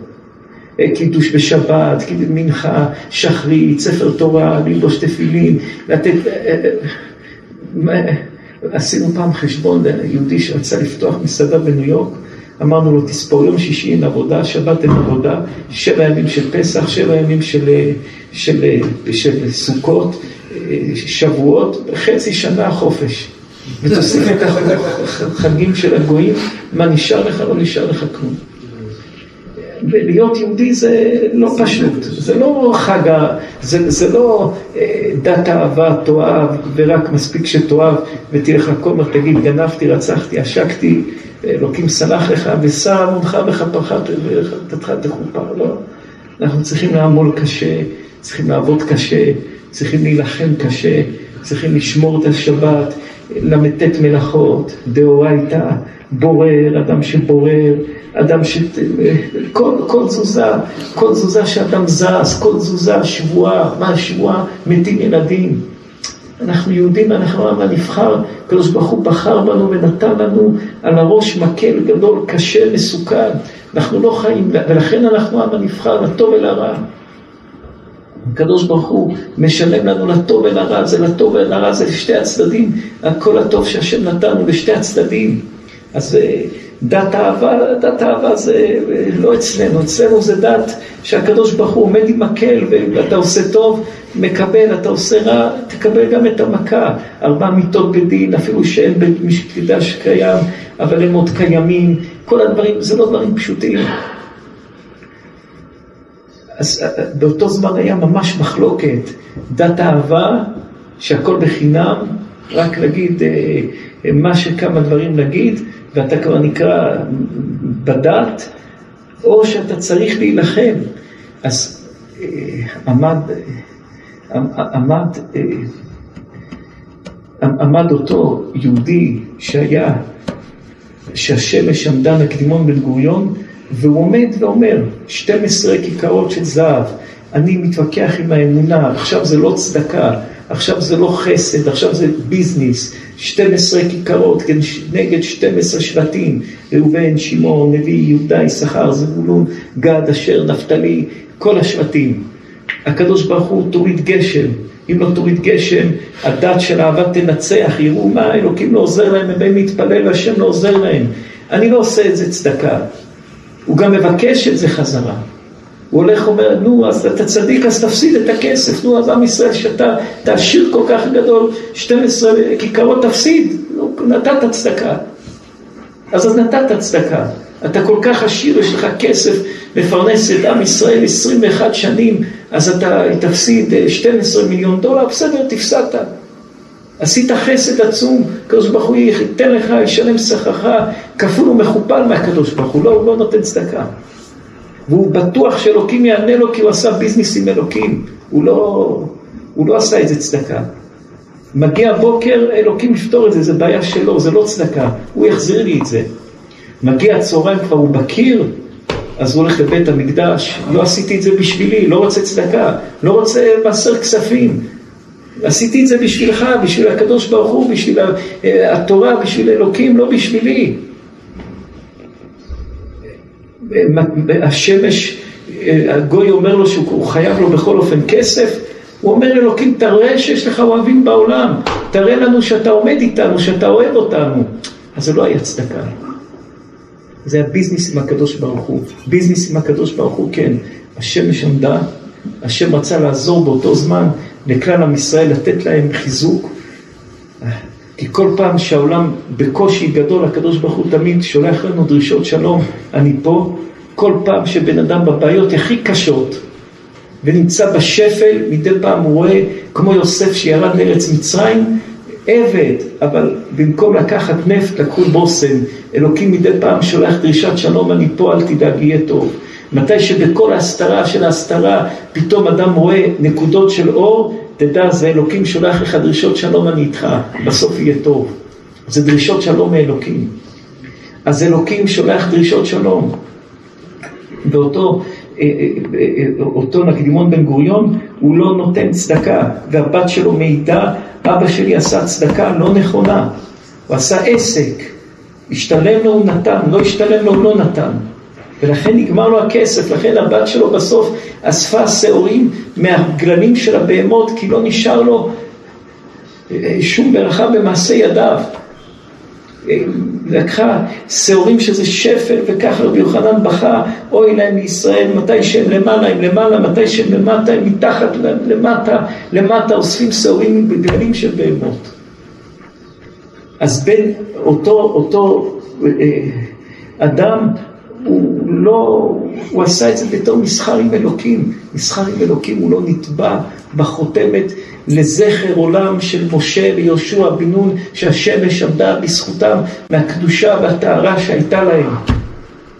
לא היה בכוחם ובזכותם ממה שיהושע ומשה רבנו, שמש בגבעון דום וירך בעמק איילון. זה היה עסק עם אלוקים. עכשיו יש לנו מחלוקת עם אומות העולם, אלוקים תעזור לנו, תודה רבה אלוקים, עבר הזמן, הלאה, ממשיך הלאה. זה לא צדקה.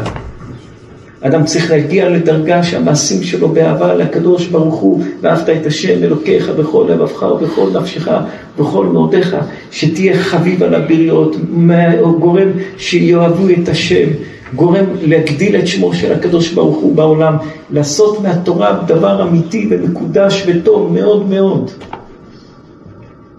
מי רוצה צדיקים לומר עוד דבר? יש יסוד שהרב אומר שלפעמים אדם במצבים מסוימים יכול להשאיל כוחות, להשאיל, אפילו שלא במדרגה מסוימת. לשאול כוח מהקדוש ברוך הוא. אחת שאלתי מאת השם. יכול להיות כבוד הרב שבאותו זמן, נגיד לא קיבל את הכוח הזה של לפרנס את כל עם ישראל, אלא הוא קיבל את זה בהשאלה. וכיוון שהוא קיבל את זה בהשאלה, אז לא היה לו את היכולת להכיל את זה. זה כמו שבן אדם מקבל פתאום איזה, איזה חוכמה בתורה, הוא לא יודע להכיל את זה, אז אותו דבר שם מתנהג עם מידות רעות, יכול לעשות טעויות. יכול להיות שזה מה שקרה לו? שהוא היה צינור אולי לא מתאים, כי ליפול בכזו מציאות זה... יכול להיות שהשאילו לו את, ה, את, ה, את המצווה הזאת? שהשאילו לו את המצווה? השאילו את, את, את, את האפשרות להיות צינור לעם ישראל, שיכול לפרנס עם שלם, להשאיל מים, לגרום לעודד אלוהים.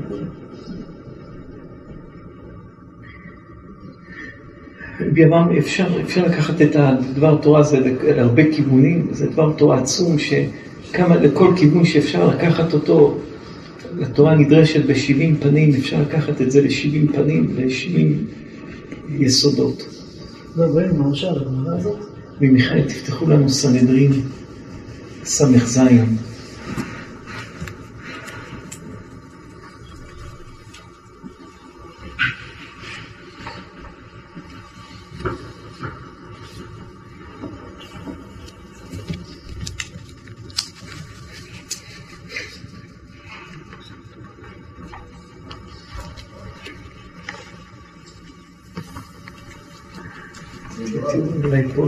סנהדרין. הכל עשו מבולבל. כהרגלם בקודש.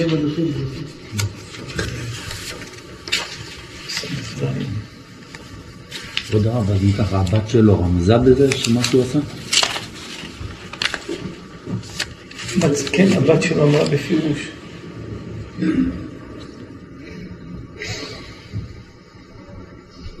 אין פה סנהדרין?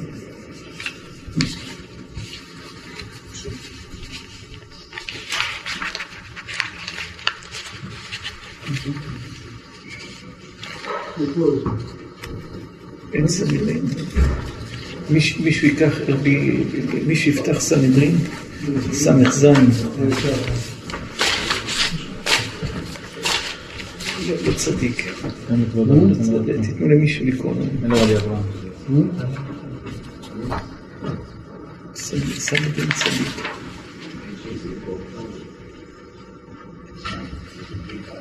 כמה זמן היה שיעור צדיקים? שעה וחצי, שעה ועשרים דקות.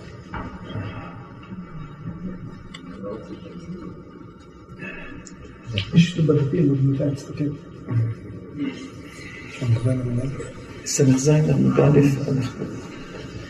הגמרא אומרת שרב ברא אדם.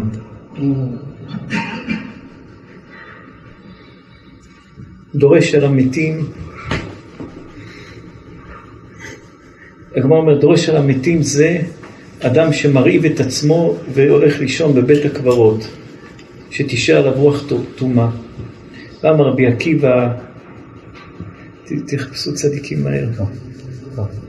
תהיו מודה. עמוד א'. עמוד א'. רבי אברהם בקול, דורש של המתים זה אדם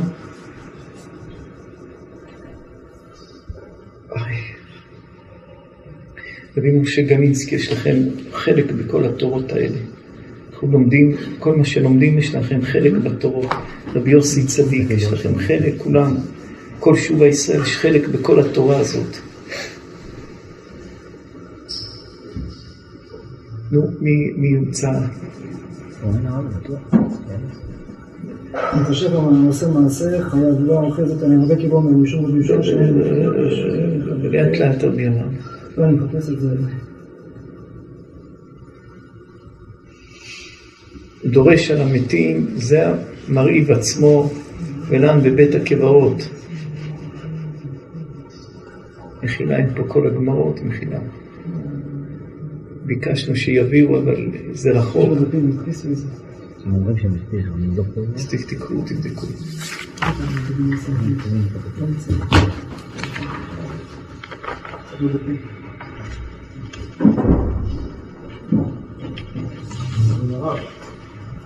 צדיק. על קידוש השם שיצא ממה שעשה מהלימון בן גוריון, הוא לא קיבל זה שכר, על. ודאי שקיבל שכר, לא יודעים איך, מה, ודאי שקיבל שכר. אבל בזה שהוא יהיה לדורי דורות, כמו משה, ואת זה הוא לא קיבל צדיק.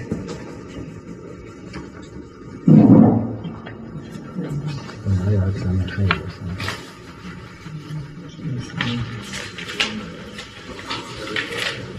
יש, כן. אמר רבי הלכות מחילה, יש רבי אברהם, רבי אברהם, אמר אביי, הלכות קשרים, רבי אברהם, לאט לאט צדיק.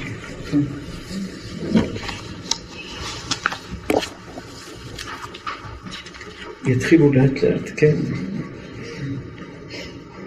אמר אביי, זה מה שמצאנו, הלכות כשפים כהלכות שבת, יש מהן בסקילה, יש מהן פטור אבל אסור, ויש מהן מותר לכתחילה. העושה מעשה בסקילה, האוחז את המים פטור אבל אסור, קוצרים, תכלס, להגיע איפה? דורש על המתים, דורש על המתים והמרעיב עצמו, יאללה, רבי שעון, דורש על המתים, זה המרעיב עצמו, והולך ודן בבית הקברות, והולך ודן בבית הקברות. כדי שתשרה עליו רוח טומאה. אז הגמרא אומרת, מה זה דורש על המתים? זה אדם שמרעיב את עצמו, אדם שצם, עושה צום, והולך לבית קברות לישון, לקבל רוח של טומאה, והרוח של טומאה הזאת הוא ידע נסתרות, ידע דברים, ידע, זה נקרא דורש על המתים. כשרבי עקיבא, הלאה, וכשהיה רבי עקיבא מגיע למקרא, כשהרבי עקיבא מגיע למקרא הזה, רבי עקיבא היה בוכה. ומה? מה המרעיב עצמו כדי שתשרה עליו רוח טומאה, מקבל את זה, שורה עליו רוח טומאה, המרעיב עצמו כדי שתשרה עליו רוח טהרה, על אחת כמה וכמה, אלא אבל מה היפה שעוונותיו גרמו לנו שנאמר כי אם עוונותיכם ומבדילים ביניכם לבין אלוהיכם. הגמרא אומרת, אדם שרוצה רוח של טומאה, כמו בלעם בן באור, לשנות סדרי מעשה בראשית, להפוך את העולם, לעשות דברים מעל הטבע, מה יעשה? אז זה אחד מהדברים של הכשפים, לצום וללכת לישון בבית הקברות. ואז האדם הזה מקבל כוחות, כוחות גבוהים של טומאה, שהוא יכול לשנות סדרי מעשה בראשית, יכול להפוך, להפוך עולמות. מתי שרבי עקיבא היה מגיע לגמרא הזאתי, רבי עקיבא היה בוכה ואומר, ומה האדם שעושה עבירות ולן ורוצה כוח של טומאה, מקבל כוח של טומאה להפוך את העולם ולעשות הרס גדול בעולם, בכוח של טומאה אפשר, אז קל וחומר, בן בנו של קל וחומר, אדם שרוצה לקדש את עצמו ולעשות מצווה ולהגיע למקומות גבוהים, מה הוא יכול להשיג? אלא מה? העבירות, לשון הרע, קלקול, מחשבות לא טובות, אלה חוצצים בינינו לבין אלוקים ואלה מפריעים לנו, אז כביכול בטומאה יותר קל, אתה הולך לטומאה, עושה עבירות, מקבל טומאה, כמו בלעם בן באור היה בועל את החמור שלו ומשם היה מקבל טומאה, כמו אדם שלן בבית הקברות, משם מקבל טומאה, בקלות, ליפול בקלות, אבל להשיג בקדושה, רבי עקיבא היה בוכה שזה דבר קשה ביותר. הלאה. שנאמר כי עוונותיכם מבדילים ביניכם לבין אלוהיכם. רבא ברא גברא. רבא איבאו צדיקי ברועלמא. רבא, איבאו. בבקשה צדיקים כולם יהיו מרוכזים, זה יסוד, זה משהו עצום, גבוה מאוד מאוד מאוד. היום כבר אתם נהיים, ברוך השם, מקובלים. הגמרא אומרת צדיקי. רבא אומר, אם רוצים הצדיקים. אם, תראו מה רבא אומר, שיש כוח לצדיקים לברוא את עולם. כביכול הקדוש ברוך הוא ברא את העולם, רבא אומר שיש כוח לצדיקים לברוא עולם, לברוא כדור הארץ, לברוא עולם. אם הצדיקים רוצים, ככה רבא אומר, יש להם כוח לברוא את העולם. הלאה. שנאמר כי עוונותיכם היו מבדילים. וכל מה שמפריע לצדיקים לברוא את העולם, זה עוונות, זה קרשים, זה במפרים, זה קרשים שמפריעים לצדיק לברוא את העולם, לברוא עולם. ברא, רבא ברא. רבא הלך וברא. בן אדם. רבא, אחד האמוראים, הלך וברא בן אדם. עכשיו, מה זה ספר היצירה? יש מחלוקת מי כתב את ספר היצירה. יש אומרים אברהם אבינו, יש אומרים רבי עקיבא. ויש מקומות שכתוב על ספר היצירה, הלכות יצירה. יש על זה הרבה דיונים בכל הספרים, האם ספר היצירה זה אותו ספר היצירה, הלכות היצירה, זה מה שהיה לאברהם אבינו, זה מה שהיה לרבי עקיבא, זה מה שהשתמשו אנשים, הצדיקים הקדושים, כמעט כל בית יש ספר היצירה, ובספר היצירה שם כתוב כל הדברים העדינים והקדושים, ובספר היצירה יש שם איזושהי פסקה שכתוב שבספר הזה השתמש אברהם אבינו וברא בספר הזה דברים. לא יודעים בדיוק את הלשון, אבל פחות או יותר הלשון שבספר הזה אברהם אבינו יצר וברא דברים. אז כביכול בכוח של ספר היצירה, כתוב שבספר היצירה אפשר לברוא שלוש דברים, עולם, אדם ועגל. זה הדברים שאפשר לברוא בספר היצירה. ובספר היצירה היה אנשים צדיקים וקדושים וגדולים שברו גלמים, ברו גולם. הגולם של המהר"ל מפראג, הגולם של המהר"ל מפראג, המהר"ל מפראג בנה גולם. בעיקר זה היה באזור אשכנז, לא באזור של הספרדים, באזור אשכנז, רבי יהודה הלוי, רבי, רבי אלעזר מגרמיזיה, קדושי עליון בדורות של 500, 600, 700 שנה, ברו גולם, ברו בריאה של אדם. מה צדיק? אליהו בן זמן. אליהו? אליהו בן סלמון זמן. הגאון מווילנה. הגאון מווילנה היה קדושי עליון שברו בכוח של ספר היצירה, הם לקחו את האותיות ואת השמות של ספר היצירה, ובשמות של ספר היצירה ברו, ברו אדם, ברו דברים. אז הגמרא אומרת שרבא ברא אדם, שלח את האדם הזה רבי שרון לרב זרע. שלח אותו לרב זרע, רב זרע רב זעירא? רב זרע. שלח אותו לרב זרע. רב זרע התחיל, לד... קודם כל רואים איזה גולם, שהגולם הזה יש לו חוש ניווט בראש. רבא שולח אותו, רבא ברא אותו, שלח אותו לרב זרע, הוא יודע איך ללכת, יודע לחצות כביש, יודע לא ליפול, כביכול, יש לו איזשהו שכל מנטלית שהוא יכול ללכת, לחצות כבישים, להגיד לו, תלך לרחוב זה, תלך לרחוב זה, יש לו את השכל ללכת לשם. הגיע לרב זרע, אבא קם משתאה בעדה, רב זרע התחיל לדבר איתו, הוא לא ענה לו תשובות. ולא אבא קם מהדר ל... היה מדבר איתו, לא עונה לו תשובות, רב זרע אמר, נשלח אותו לעולם שכולו טוב, רב זרע אמר איזה פסוק ושלח אותו לשמיים, הרג אותו. כן, תגמרו את זה בגמרא. אמר לי מחברי עד אדר להפריה. תחזור לחול, החזיר אותו, רב זרע גמר את הסיפור עם אותו אדם. אנחנו רק עכשיו בתוך הדיבור אה, נעלה שאלה.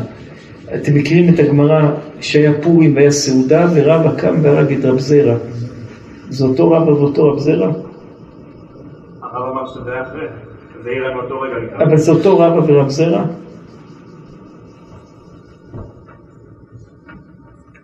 רבי אברהם זה אותו רבא ורב זרע? ואותו רבא? אז הוא הרג לו את האדם והוא הרג אותו אחר כך בפורים. כן, כי זה רב עם א' ובמקור זה רב עם א'. זה לא רב אבר נחמן.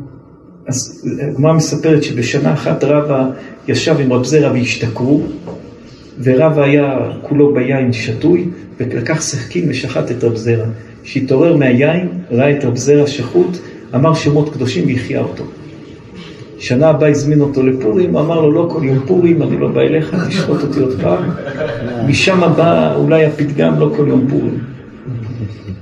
אז רואים רבא בנה אדם משמות קדושים מספר היצירה, ואחרי שהוא בנה אדם מספר היצירה, שלח אותו לרב זרע.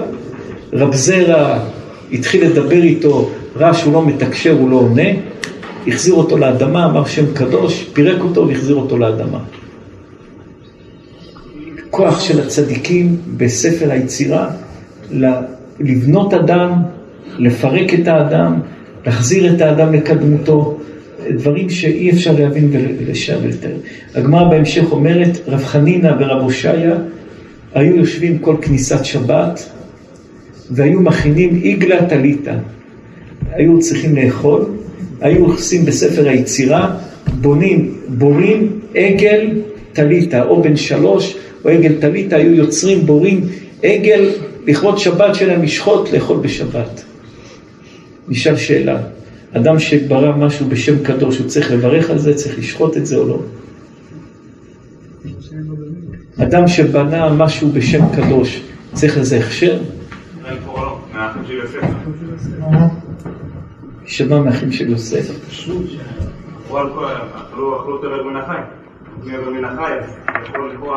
הגמרא אומרת, ואת בן הבקר אשר עשה אברהם, תוספות אומר במקום, הרי אברהם אבינו היה כמו גוי, וגוי של שבת חייב מיתה. אסור לשבת לשמור, אסור לגוי לשמור שבת. לעולם תעבוד, הוא צריך הגוי לעבוד כל היום. אז גוי של שבת חייב מיתה, גוי ששומר שבת חייב מיתה. אז הוא חייב לעשות איזה חילול שבת. ואברהם אבינו עוד לא היה יהודי, הוא היה נקרא משפחת ישראל, לא עם ישראל. אז כל שבת אברהם אבינו היה בורא. מה היה בורא? היה בורא ואת בן הבקר אשר עשה אברהם. מה זה אשר עשה אברהם? אברהם עשה אותו בספר היצירה. אז הוא היה מחלל שבת שהיה בורא בריאה חדשה בשבת, על ידי שהיה בורא עם שמות קדושים מספר היצירה את, ה, את ה, בן הבקר, וזה היה חילול שבת, שבונה אסור לבנות בשבת. הוא היה בונה בשבת, ואת בן הבקר אשר עשה אברהם, היה יוצר אותו בשבת, וזה היה חילול שבת. וזה אברהם אבינו היה בונה.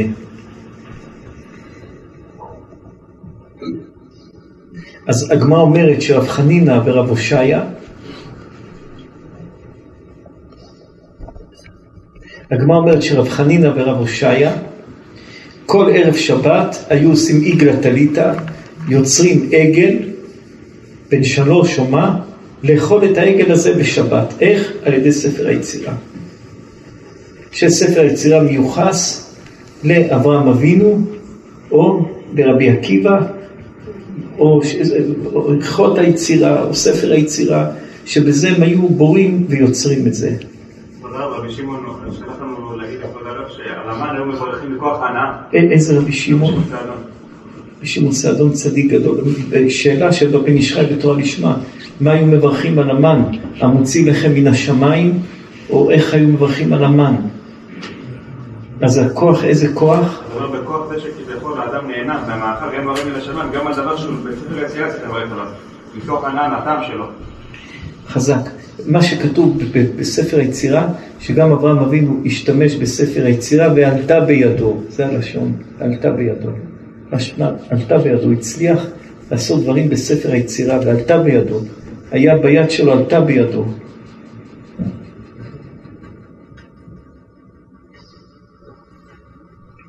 למה רב הושעיה היו עושים את זה בערב שבת? להם מה לאכול. הם היו עניים, היו בונים עגלה טליתא בערב שבת, שיהיה להם מה לאכול.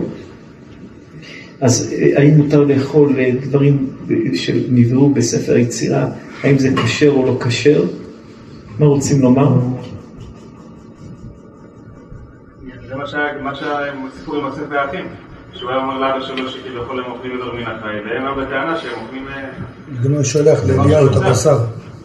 היה שולח לאליהו את הבשר, אז מה... כביכול העורב היה מביא לו בשר. אז מה, איך הוא אכל בשר? זה טרף, לא טרף, מה הביא לו? הוא אכל. הרמב"ם לא מחזיק בכל זה. הרמב"ם אומר שכל הדברים האלה זה דמיונות. הרמב"ם אומר גם יעשה אדם בצלמנו כדמותנו, הרמב"ם הכל שכלתנות, שכל, הרמב"ם לא, לא מחזיק בכאלה דברים.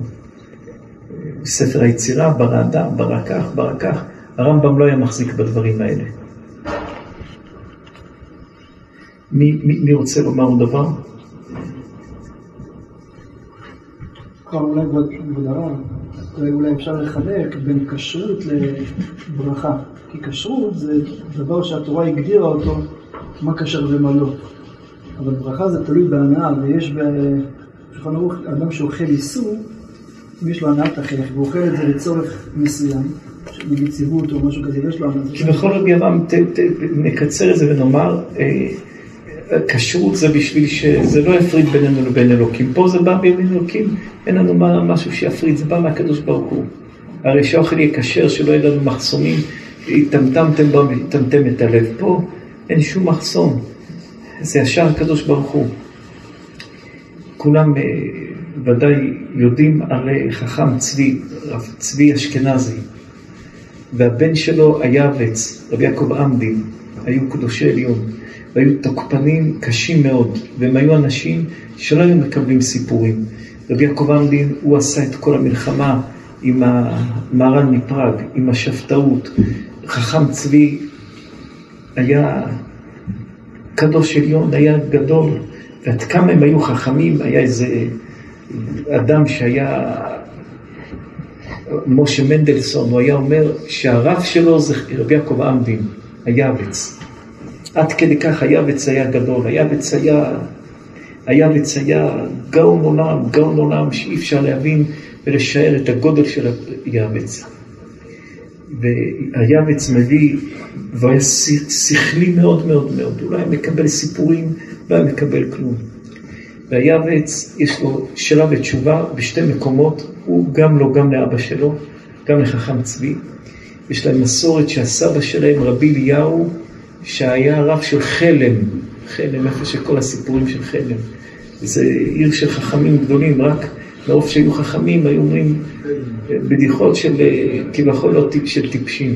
עיר חלם. הסבא שלהם, היה להם מסורת שהסבא שלהם בנה גולם, והסבא שלהם עשה גולם.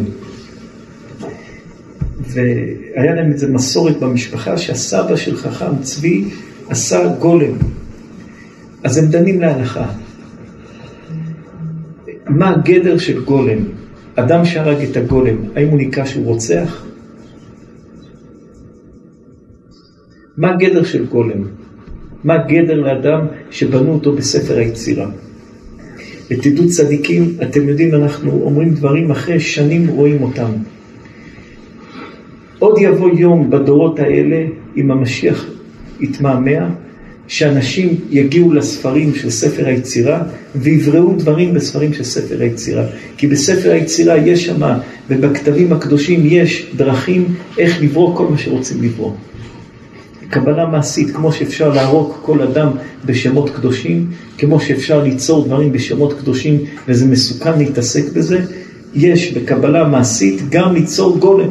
וזה לא לפני הרבה שנים, הרב מפראג, רבי אלעזר מגרמיזיה, רבי יהודה הלוי, רבי הסבא של היעבץ, הסבא של חכם צבי, ברא גולם. ירמיה והבן שלו בן סירה בנו גולם. וככה כתוב שאברהם אבינו ישב והתעמק בספר היצירה, בא אליו הקדוש ברוך הוא ואמר לו לא מתעסקים ביחיד בספר היצירה, כי רק על הקדוש ברוך הוא נאמר יחיד שישב וברא את העולם. הלך אברהם אבינו לבית מדרש של שם וישב איתו שלוש שנים ולמד עם שם שלוש שנים וככה אברהם אבינו ברא את העגל ואת בן הבקר אשר עשה אברהם. אברהם אבינו ישב עם שם הבן של נוח ובחברות עשו את זה. וככה כתוב שהבן של ירמיה קראו לו בן סירה.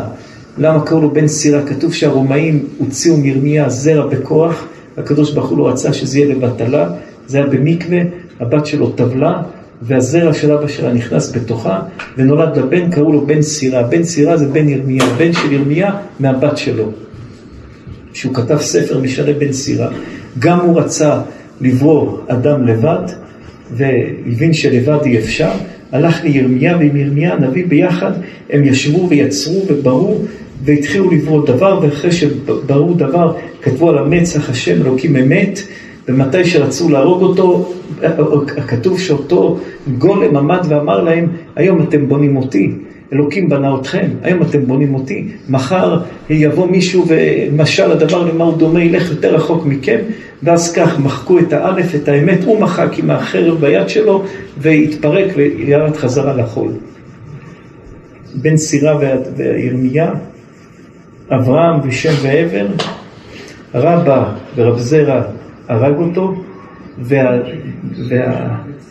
והיעבץ וחכם צבי, היעבץ וחכם צבי מספרים על הסבא שלהם, והם שואלים האם אדם שנברא בספר היצירה, מה הדין שלו? אם מישהו הרג אותו, האם הוא חייב?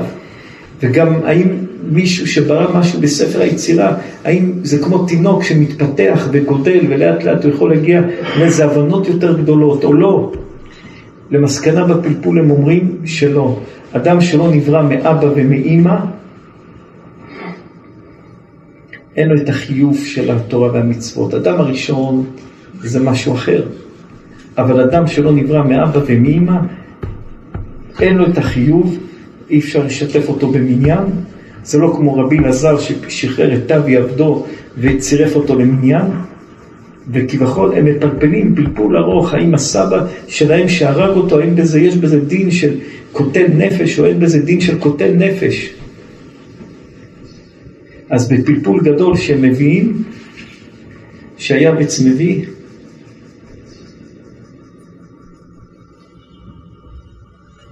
היה חכם צבי מסיק מתוך סוגייתו שהגולם אינו יכול להצטרף לדבר שבקדושה.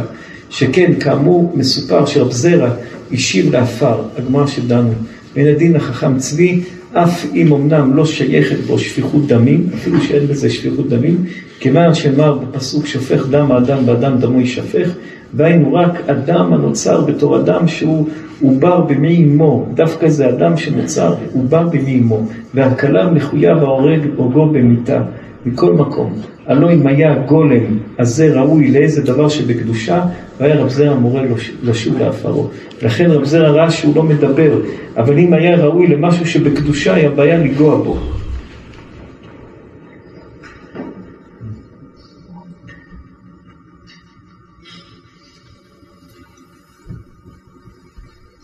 היעבץ בשאלות ותשובות, שאלות יעבץ חלק ב', תמל עצם ספיקו של אביו, שרמה שעונד גולם זה משאר חירש שוטה וקטן, שהם ישראלים גמורים והורגים חייב עליהם מיתה. יש בהם חלק נפש. בספר שו"ת דברי הרב משולם, הרב משולם זלמן אשכנזי, בנו של החכם צבי, סימן י' מביא מכתב ידו של אביו, שראה בספר הפרדס לרמק, שער הלכות פרק י', המביא דברי הגמרא בסוגיה, ולאחר שדם בהם כתב שבבריאה זו שהיא בצורת אדם אין בה לא נשמה ולא רוח ולא נפש, אלא חיותא בעלמא. הרמק אומר שזה לא רוח, לא נשמה, לא כלום, רק חיותא בעלמא. ולפיכך הסיק החכם צבי שבוודאי שאין להם כל שייכות לכל דבר המצ... המצריך עשרה או שלושה. החידה בברכי יוסף, הביא את הגמרא, מספרת רבי אלעזר, נכנס לבית הכנסת, הוא מצא עשרה ולאחר שחרר את תבי עבדו, שישלים אדם עכשיו ולא עבד בעשה, שלעולם בהם תעבודו, ומיישב שמותר לעבור על עשה זה בשביל מצווה דרבים. והנה הוא התנא רבי אלעזר עליו מסופר בסוף פרקנו, שאמר דבר אחד, ונתמלא כל השדה קישואים, וגם...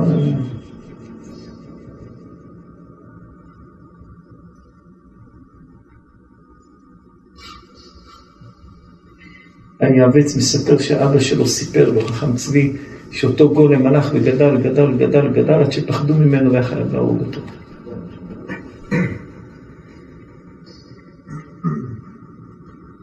כבר בדיוק אתמול דיברנו עם רבי ישראל אישה שהתעברה משב, מה הגדר של הילד הזה, אם מותר לא עם מה? אישה שהתעברה משב. יש סיפור בשבט הלוי, הרב אוזנר, וגם הרב יוסף מביא את זה בענף יוסף, שאישה שהלכה למקווה ברומניה,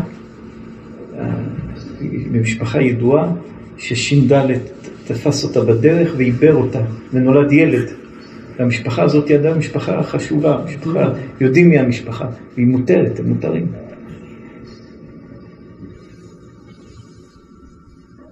היום יש אנשים יותר גרועים משדים. פה זה קשה, כי ראינו שהזוהר אומר שאשר שדים יותר גרועים.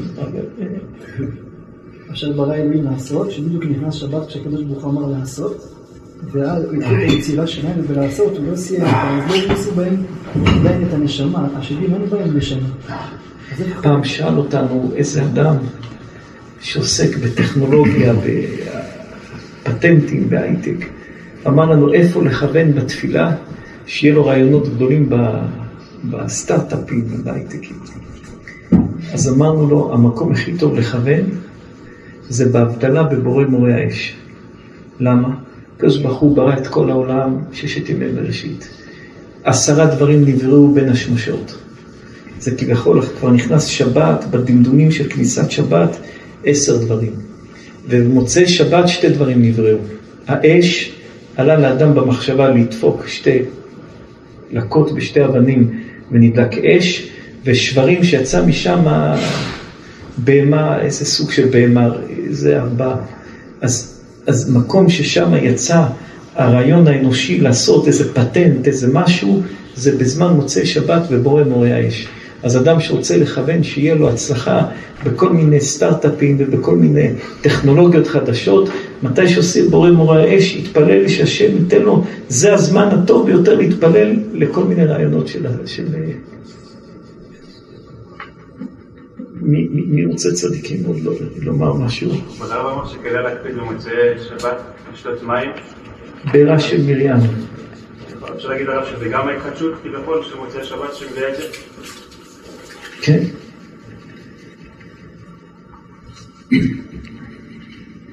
מי, מי, מי רוצה צדיקים לומר עוד דבר? כמה זמן היה שיעור? כמעט שעתיים. שעה חמישים. מי, מי, מי, מי רוצה צדיקים לומר?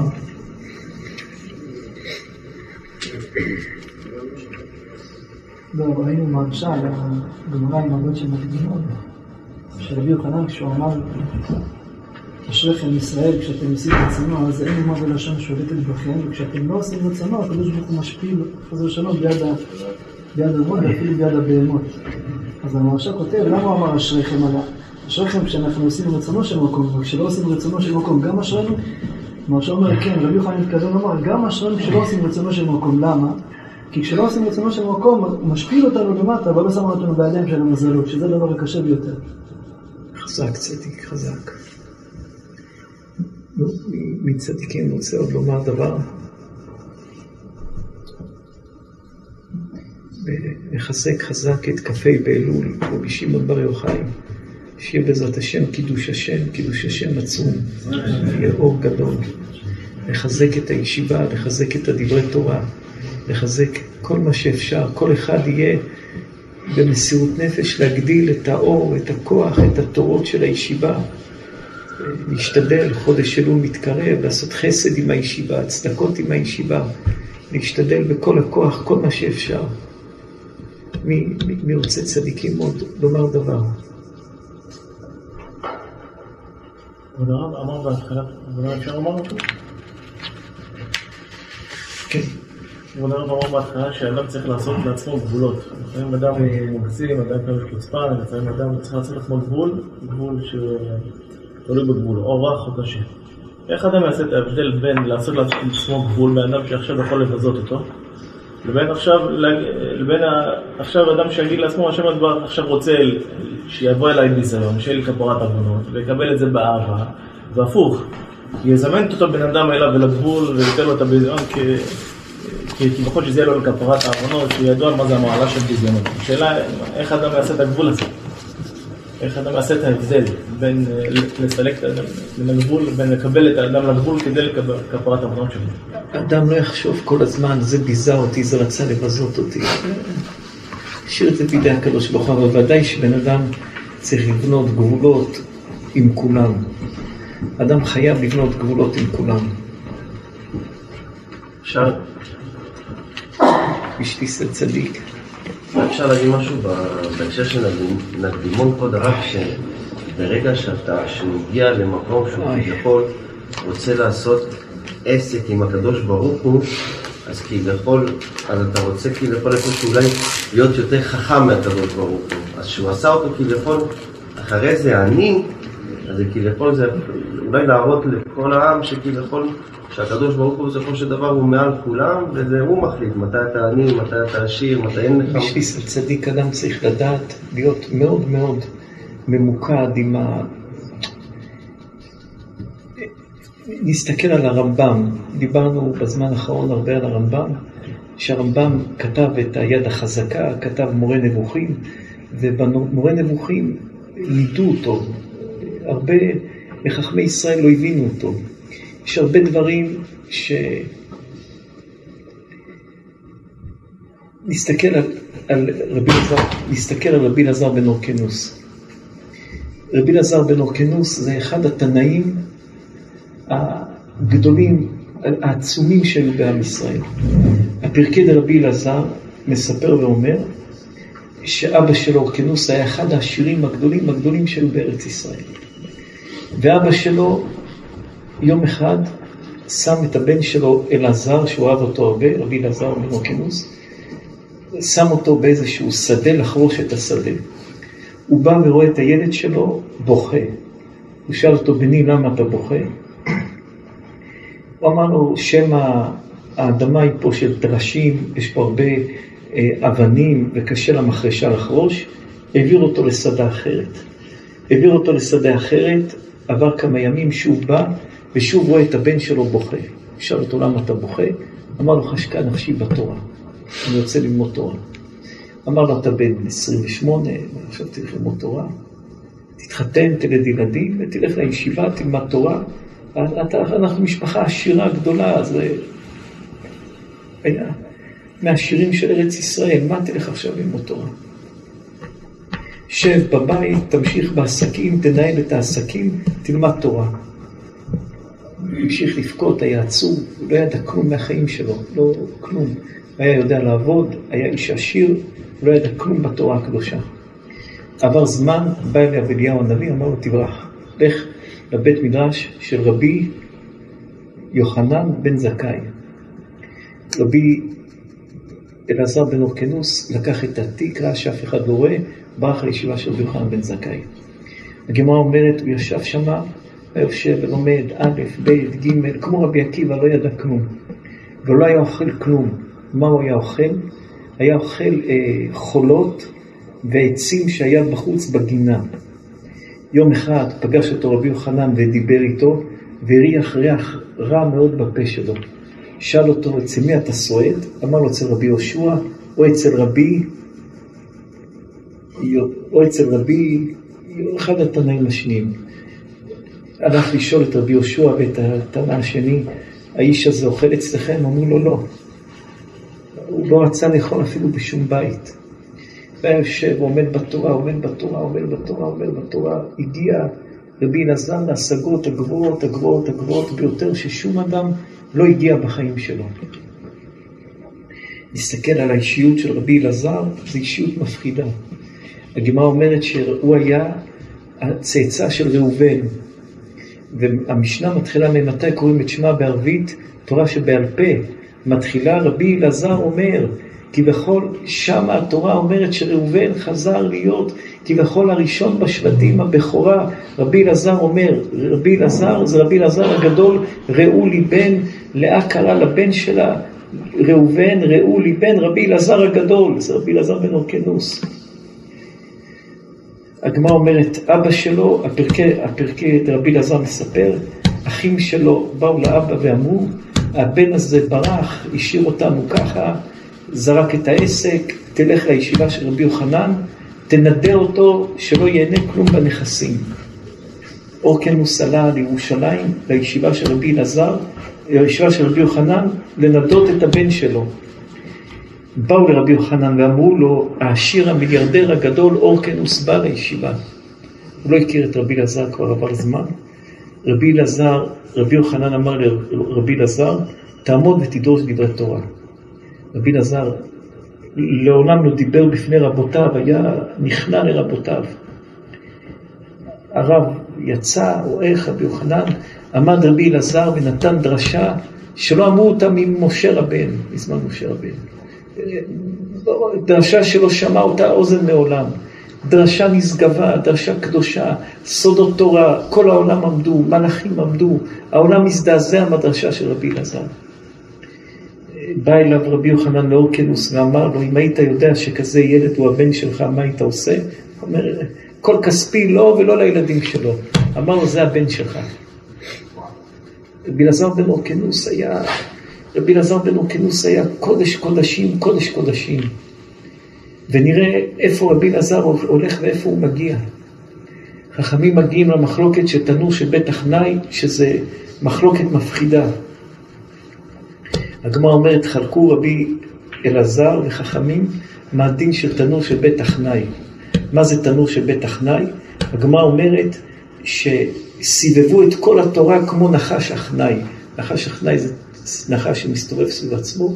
לקחו את כל התורה וסיבבו אותה כמו נחש שמסתובב סביב עצמו.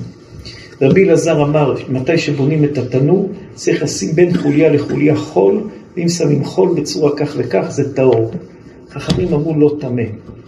אמר להם רבי אלעזר, הלכה כמותי. אמרו לו לא. כל חכמים בצד אחד, ורבי אלעזר בצד שני, נלחם נגד כל החכמים שהלכה כמותו. ולמה הוא נלחם? כי הוא מעולם לא אמר הלכה בשם עצמו, והוא תלמיד של רבי יוחנן בן זכאי, תלמיד של שמאי שמותי, וככה הוא שמע מרבותיו, וככה הוא בטוח שההלכה, לא יעזור כלום. הוא שמע את זה מהרב שלו, ייקוב הדין את ההר. הרב שלו אמר לו שככה ההלכה, לא יעזור, שכולכם תעמדו פה, אני הולך בראש שלי, ברב שלי. וחכמים אמרו לו, לא, הלכה לא כמותך. אמר להם, הלכה כמותי, עץ חרוב יוכיח. היה שם עץ חרוב נקר מהאדמה, הלך כמה, מאה אמה, מאה מיל, ארבע מאות לא הניחו בו חכמים. אמר להם, אמת המים תוכיח, אמת המים נעקרה, עץ חרוב, קורות בית המדרש, יצא בת קול ואמרה, מה לכם אל רבי אלעזר, שבכל מקום הלכה כמותו. יצא בת קול ואמרה, מה לכם אל רבי אלעזר, שבכל מקום הלכה כמותו. לא קיבלו את זה. באותו יום נמנו וגמרו, קיללו אותו, נמנו וגמרו, טימאו את כל הטהרות שלו, 80 נשים באו לשאול אותו האם הן טמאות או לא, הוא אמר טהורות, הם טימאו את הכל, שרפו את כל הטהרות שלו, נידו אותו, והלך רבי עקיבא והתרחק ממנו ארבע אמות, ואמר לו עקיבא, למה אתה לא מתקרב אליי? אמר לו, דומני שחבריך בדלים ממך, אני חושב שנידו אותך. הוא הוריד שלוש דמעות, דמעה אחת, שליש מהחיטים נחסר, שליש מהזיתים נחסר, מה שאישה הייתה אה, עושה בצק נחסר, כל העולם כולו הפסיד שליש. העולם היה שווה מיליארד, נפל שליש מהעולם, מהשלוש דמעות של רבי אלעזר בן אורקנוס. ובאותו יום רבן גמליאל היה בא באונייה, הם היו נשואים עם גיסים, עמד נחשול של יום ים לטובעו, כמעט רבן גמליאל נפל, טבע. עמד רבן גמליאל ואמר, ריבונו של עולם, לא עשיתי לכבודי, לכבוד בית אבא, אלא עמד, ומאותו יום אשתו לא נתנה לרבן רבי אלעזר בן אורקנוס ליפול את נפילת אפיים, שלא יהיה קטרוג ולא ימותו אנשים. היה, היה בנידוי המון המון המון המון המון שנים.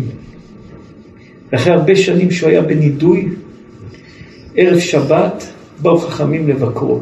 הבן שלו היה מניח לו תפילין, וכבר היה ערב שבת, הבן של אורקנוס הלך ואמר לחכמים, דומני שהדעת של אבא השתבשה, אמר לו, דעתך ודעת אמך השתבשה וכולי וכולי, המשיך לדבר, עוד פעם שאלו אותו על התנור, אמר, תנור טהור, ויצא נשמתו, ואז חכמים עמדו ואמרו שמתירים לו את הנידוי, שהוא לא ייפטר מהעולם בנידוי, ובכו חכמים וכולי, וכל מה שחכמים אומרים. כל הסיפור של רבי אלעזר הוא סיפור שמפחיד מאוד, הוא סיפור של מוסר, של פחד, של אימה, ש... אבל גם המוסר הזה, מה שאנחנו רואים ברבי אלעזר, זה מסמל משהו גדול בעם ישראל. נסתכל לאורך כל ההיסטוריה. קין והבל, כל אחד חשב שהוא מנהיג את העולם. הריב הזה הביא חורבן. אחר כך אברהם אבינו שיתחיל להיות המנהיג של העולם, הוא היה חייב להתנתק מהמשפחה שלו. לך לך מארצך, ממולדתך, מבית אביך, כי כל עוד שהוא היה קשור למשפחה שלו, הם שאבו אותו אחורה, לא נתנו לו ללכת לאף מקום. יצחק אבינו, יצחק היה צריך להיות המנהיג, לקחת את ההנהגה של עם ישראל, הוא היה חייב להתנתק מישמעאל. ואחר כך, תחפשו בתורה, אחרי עקדת יצחק, לא מוזכר בשום מקום שאברהם אבינו דיבר עם יצחק. אפשר מישהו יכול להגיד לנו איפה הם דיברו? רבי אברהם, רבי מיכאל, רבי שרון, רבי... דיברו ביניהם. מעקדת יצחק, רבי דוד, לא מוזכר שאברהם אבינו ויצחק מדברים. למה? כי יצחק כבר לקח את ההנהגה. אלוקי אברהם, אלוקי יצחק ואלוקי יעקב, שואל רבנו הבעל שם טוב, למה אלוקי אברהם, אלוקי יצחק, אלוקי יעקב, יאמרו ביחד אלוקי אברהם, יצחק ויעקב. למה אלוקי אברהם, אלוקי יצחק ואלוקי יעקב? כי לכל צדיק, בכל הנהגה, בכל דור, יש את הפן ואת הראייה שאלוקים מסתכל ונותן לו את הכוח להסתכל בראייה שלו. הראייה של אברהם לא הייתה כהראייה של יצחק, הראייה של יצחק לא הייתה כראייה של יעקב, אותו דבר. אברהם גמר, העביר את זה ליצחק, לא דיברו יותר, נגמר, שם זה נגמר. יעקב אבינו קיבל את הברכות, ויתן לך אלוקים מטל השמיים משמני הארץ אור דגן ותירוש, יעבדו חמים, ישתחוו לך, לאומים וגבר לאחיך וכולי. הלך, עזב את יעקב, לא ראה אותו, נגמר. 22 שנים בבית שם ועבר, בבית אה, לבן, שם ועבר, זהו, פגשו יותר יעקב ויצחק? לא. יעקב אבינו שלח את יוסף הצדיק לראות בשלום אחיו, 22 שנים הלך, חזר, נפגש במצרים, פעם אחת בכה על הגב שלו, 17 שנים הבן האהוב עזב את אביו בן 17, פגש את אביו אחרי 22 שנים, יעקב חי במצרים 17 שנים, כמה פעמים הוא ראה את יעקב אבינו, כל כך אהבו כמה פעמים? פעמיים. פעם שהוא ראה אותו, בירך אותו, בפני כל האחים שלוש פעמים. הוא קיבל את ההנהגה, ברגע שיש הנהגה, משפחה, חברים, חברים מאחורה, אחים, דודים, בני דודים, בני אחיות, הם שואבים את האדם למצולות, למקומות לא טובים, למקומות שאדם יכול לאבד את כל המקום שלו. משם לא ראה אותו יותר. משם כל ראייה שלו זה היה נזק ופגם להנהגה, נזק ופגם לראייה, נזק ופגם לכל כלל עם ישראל. כי כבר הראייה והפן של החיים והראייה של הקדוש ברוך הוא והראייה של עבודת השם היא ראייה אחרת לגמרי. אז אברהם יותר לא ראה את יצחק, יצחק לא ראה יותר את יעקב, יעקב לא ראה יותר את יוסף, וככה לאורך כל הדורות. רבי אלעזר בן אורקנוס היה מסמל את האדמה, את משה רבנו, שבחר להיכנס לארץ ישראל. אמת המים תוכיח, חרוב יוכיח, באר המים יוכיח, כותלי בית המדרש יוכיחו, זה היה הכף שלו. רבי עקיבא ראה את החורבן. הראייה של רבי עקיבא הייתה, זהו, איבדנו את האדמה. עכשיו אנחנו צריכים את הספר, את הגמרא. הארץ שלנו זה התורה, זה הגמרא. ואם הארץ שלנו זה התורה, אם הדרך של רבי אלעזר זה לא ילך ביחד, אז הוא צריך להיות בנידוי. בנידוי 40 שנה לא רואים אותו. כי אי אפשר, זה אי אפשר. הוא ימשוך אותך לפה וזה ימשוך אותך לפה, ולא תגיע לשום מקום. וזה מניסיון. מתי שעוברים גבול עם דבר מסוים, זה לוקח אותך אחורה, אחורה, אחורה, בעבודת השם, בהנהגה, בדרך השם, בראייה, זהו. זה ייקח אותך למקום לא טוב. רבי עקיבא מבין שרבי אלעזר בן אורקנוס, התפיסה שלו היא תפיסה אחת, והתפיסה הזאת היא לא בריאה עכשיו לעם ישראל, מנדה אותו ועומד רבי עקיבא ואומר לו, שלך קשה משל כולם ואתה תמות יותר קשה מכולם, רבי עקיבא מקבל את זה. יצא נשמתו באחד, אמונה היא מעבר לטקטיקות של החיים. כי זה כבר לא ההנהגה שצריך להתנהג בה. כי ההנהגה היא הנהגה רוחנית ומשהו רוחני שרב צריך להוביל, שמנהיג צריך להוביל. אז רבי אלעזר חותך את זה. רבי עקיבא חותך את זה ומשאיר את רבי אלעזר, והתפיסה של רבי עקיבא, אדמה, חכמים עם רבי אלעזר הולכים בירושלים ורואים שועלים, חכמים בוכים, הוא צוחק, הוא אומר, אה, עכשיו האדמה היא לא העיקר, עכשיו הגמרא היא העיקר. האדמה שלנו עכשיו זה התורה, זה לא האדמה היא העיקר. רבי אלעזר עוד אחז שהאדמה היא העיקר. אמת המים, עץ חרוב יוכיח, זה יוכיח, זה יוכיח, הוא עוד נתפס באדמה. מה עושה רבי אלעזר? מה עושה רבי עקיבא עם כל הגדולה שלך, עם כל התורה שלך, שבנידוי זה המקום המתאים לך. כמה שזה אכזרי, כמה שזה כואב, אבל הנהגת עם ישראל יותר חשובה מזה. בשמיים שלי קשה משל כולם קשה, אבל איתך ההנהגה לא הולכת יותר. ההנהגה שלך זה לחיים שמורידה את הכל אחורה ולמטה. יוסף, זה יסודות מפחידים. מה רבי מיכאל? כבוד הרב אמר שבאחד השיעורים הוא לימד אותנו שאיפה ש... איפה שאין מנהיג, אם זה בין שותפים, השטן נהיה מנהיג. וזה נכון כבוד הרב, אם זה בין שותפים או קהילה או לא משנה, יש מלא חיכוכים שלא יודעים באמת מי זה מנהיג, כל אחד מושך... רבי שטיסל, כל עם ישראל בנוי על ויכוחים. ויכוחים חרב על, החדי, על הבדים, אני אומר כך, אתה אומר כך, אבל מתי? שכל הוויכוחים הם לשם שמיים, הם בריאים וטובים. מתי שוויכוחים נהיים ויכוחים בשביל כבוד, בשביל כסף, בשביל גדולה, בשביל... זה לא ויכוחים, זה, זה קטנוניות, זה, זה, זה, זה... ובשליסן היום רוב הוויכוחים ורוב הדברים זה על כבוד, על כסף, מה שלי, מה שלך. זה לא ויכוחים שיוצא ממנם כלום בריא, לא לתורה ולא לשם שמיים ולא לכבוד אבא ולא לכבוד הקדוש ברוך הוא, זה לא ויכוחים אמיתיים. מתי שזה ויכוחים על תפיסה, על ראייה, על, על מהות של חיים, על מהות של ראייה. ולכן גם אדם צריך לדעת, עכשיו מישהו עשה משהו לא טוב, שלום. פעם מישהו שאל אותנו, הרב, אתה לא מתגעגע לפלוני, לפלוני? לא, לא מתגעגע לאף אחד. כל דבר בשעתו, בזמנו היה טוב. נגמר, נגמר. אדם צריך להיות חזק, לשלוט על הראש שלו. גם אם צריך לתת את החיים, כן, כבר היינו שם בדקה לחיים, כן, אם צריך לתת גם את החיים בהתחלה קידוחי, אדם צריך להיות שלם עם עצמו, לדעת איך, לדעת מה, אדם צריך לחיות בשלמות בחיים שלו ולהתגעגע, לא כתוב בתורה להתגעגע, כתוב כיסופים לתורה, כיסופים לצדיק, געגועים ורגשות וכאלה דברים, זה לא, זה לא, זה רק סוחט את הנשמה של האדם. אדם צריך להיות יציב, חזק, ולשמור ולבנות בנפש שלו מגננות, זה קל לדבר, אבל יום ליום יביע עומר ולילה לילה יחווה דעת. אדם צריך לדעת איך לבנות מגננות ומחשבה אמיתית וראייה חדה בחיים שלו, בכוח של התורה, בכוח של המצוות, בכוח של האמונה, ולבנות אמונה בריאה ואמונה תמימה ואמונה ישרה ואמונה אמיתית במה שהוא עושה בחיים.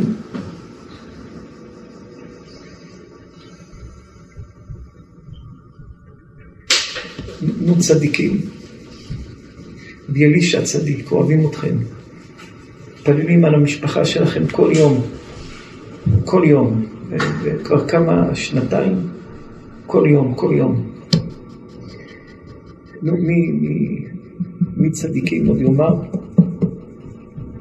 רבי שגיא, רבי שגיא, אנחנו אוהבים אתכם מאוד מאוד. בבקשה צדיקים, אנחנו רוצים בתי מדרש בלוס אנג'לס. אל תאבדו את הברכה שיש. כל אחד יהיה כמו לקרב אנשים, לגדל את הקבוצות, ספר דברים. אל תאבדו את הנקודה האמיתית. יש נקודות אמיתיות שאם אדם מאבד אותן, הוא מאבד עולם. הקדושה והתורה והדרך של שוב הישראל היא דרך נכונה ואמיתית. לפעמים, הרי במלחמה שהיה בין ישראל ללבנון, פעם סיפר לנו את זה איזה שר גדול של ביטחון של ישראל. היינו בבית חולים, היה לנו בעיות בכליות לפני עשרים וכמה שנים. היינו מאושפזים, ואותו שר בא וסיפר לנו שהיה איזה קרב באוויר גדול גדול בין ישראל לסוריה.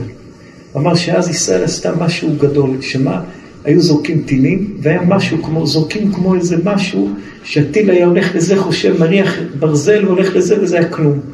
השטן זורק כל מיני דברים שאדם חושב, הנה זה, זה, זה, הוא מאבד את כוחו, את כספו, את זמנו, את הכל. אל, אל תאבדו את זמנכם לריק, ואל תלדו לבהלה, לשטויות ולדברים בטלים. התורה והקדושה של שוב הישראל, שזה מקור מחצב מים חיים, שבן אדם שותה מים חיים, בקדושה ובטהרה, וביראת שמיים אמיתית, בלי בלבולי דעת ובלי... אה,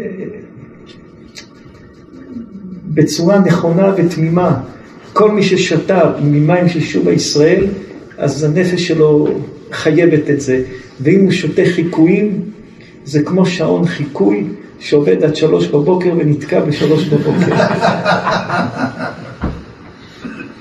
שלוש בבוקר נתקע, וכמה שיסובבו אותו לא יעזור.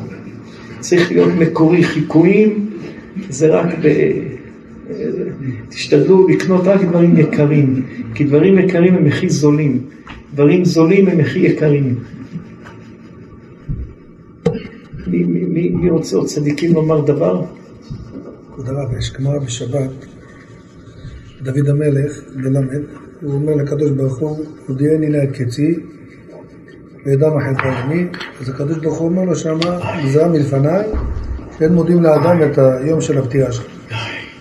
ואז דוד המלך מבקש, אם אפשר ביום ראשון, אומר לו לא, בנך צריך למלוך, אם אפשר ביום שישי, אומר לו טוב ליום בחצאיך. ורש"י אומר שמה, דוד על מה מדבר? על שהתעסקו בטהרתי ובהספדי. אז היסוד שם, מה, מה, מה, מה דוד המלך מתפלפל עם הקדוש ברוך הוא? למה אתה לא רוצה להיפטר בשבת? היסוד של דוד המלך זה מה שרבי אליעזר. דוד המלך מה רוצה? מה זה הספדי? דוד המלך אומר, מתי אפשר להחזיר אנשים בתשובה? ביום של שבר, כמו שהרב דיבר על רבי אליעזר, על, על כביכול, על, מה רבי אליעזר אמר? אלעזר, שאם אדם מקבל איזה שבירה, אז יש לו כביכול מאיזה חזרה. דוד המלך אומר, אם יום ראשון יבוא יום הפטירה, אם אני אפטר יום שבת ויום ראשון, זה כבר לא יום יום פטירה, זה כבר חלש, לא יקבלו קבלות. אין לזה את הכוח של השבירה, אני רוצה שהיום של הפטירה שלי יהיה יום של השבר, שיוכלו לקבל להם תשובה. אז הוא אומר לו, אני לא רוצה יום שבת, כי אין לי שם את הקבלה של מה שיגידו בהספדים, ועם ישראל יחזרו בתשובה. חזק צדיקים. היה היום שיעור גדוש בדברים עמוקים. דברים עמוקים. איך עובד להכיל את זה? דברים עמוקים. בבקשה צדיקים, אנחנו רוצים לרכז בלוס אנג'לס מקום שלנו, כמו בניו יורק, כמו בכל המקומות, שיהיה מרוכז של תורה, של שיעורים, של תרכזו, בבקשה צדיקים תתרכזו ותרכזו, שיהיה מקום של תורה וקדושה ויראת שמיים, חוץ מעוד בתי מדרשות. צריך שיהיה הרבה בתי מדרשות. מי, מי מחזק קבוצות חדשות בלוס אנג'לס של שוב הישראל? מי לוקח על עצמו לבנות קבוצות חדשות? קבוצות חדשות של דברי תורה, מי? להוסיף עוד ולבנות עוד, להוסיף ולבנות ולהגדיל ולחזק.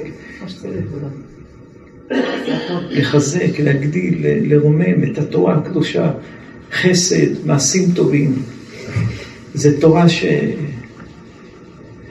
תורה שמזעזעת, ישמחו השמיים ותגל הארץ. ובבקשה צדיקים תתפללו עלינו, תתפללו עלינו הרבה. קשה לנו מאוד, קשה לנו מאוד. ובעזרת השם אבל צריך להיכנס חזרה, יש לנו בין כיפור לסוכות עוד, שהשם ייתן כוח, בעזרת השם, ביום, יומיים הקרובים, נלך עוד צעד קדימה. אנחנו רוב היום עייפים, ישנים, קשה לנו, אבל בעזרת השם צריך לחזק, לגדל, לרומם, הקדוש ברוך הוא יעזור שיהיה ישועה ושמחה והצלחה. תודה רבה צדיקים, בשורות טובות.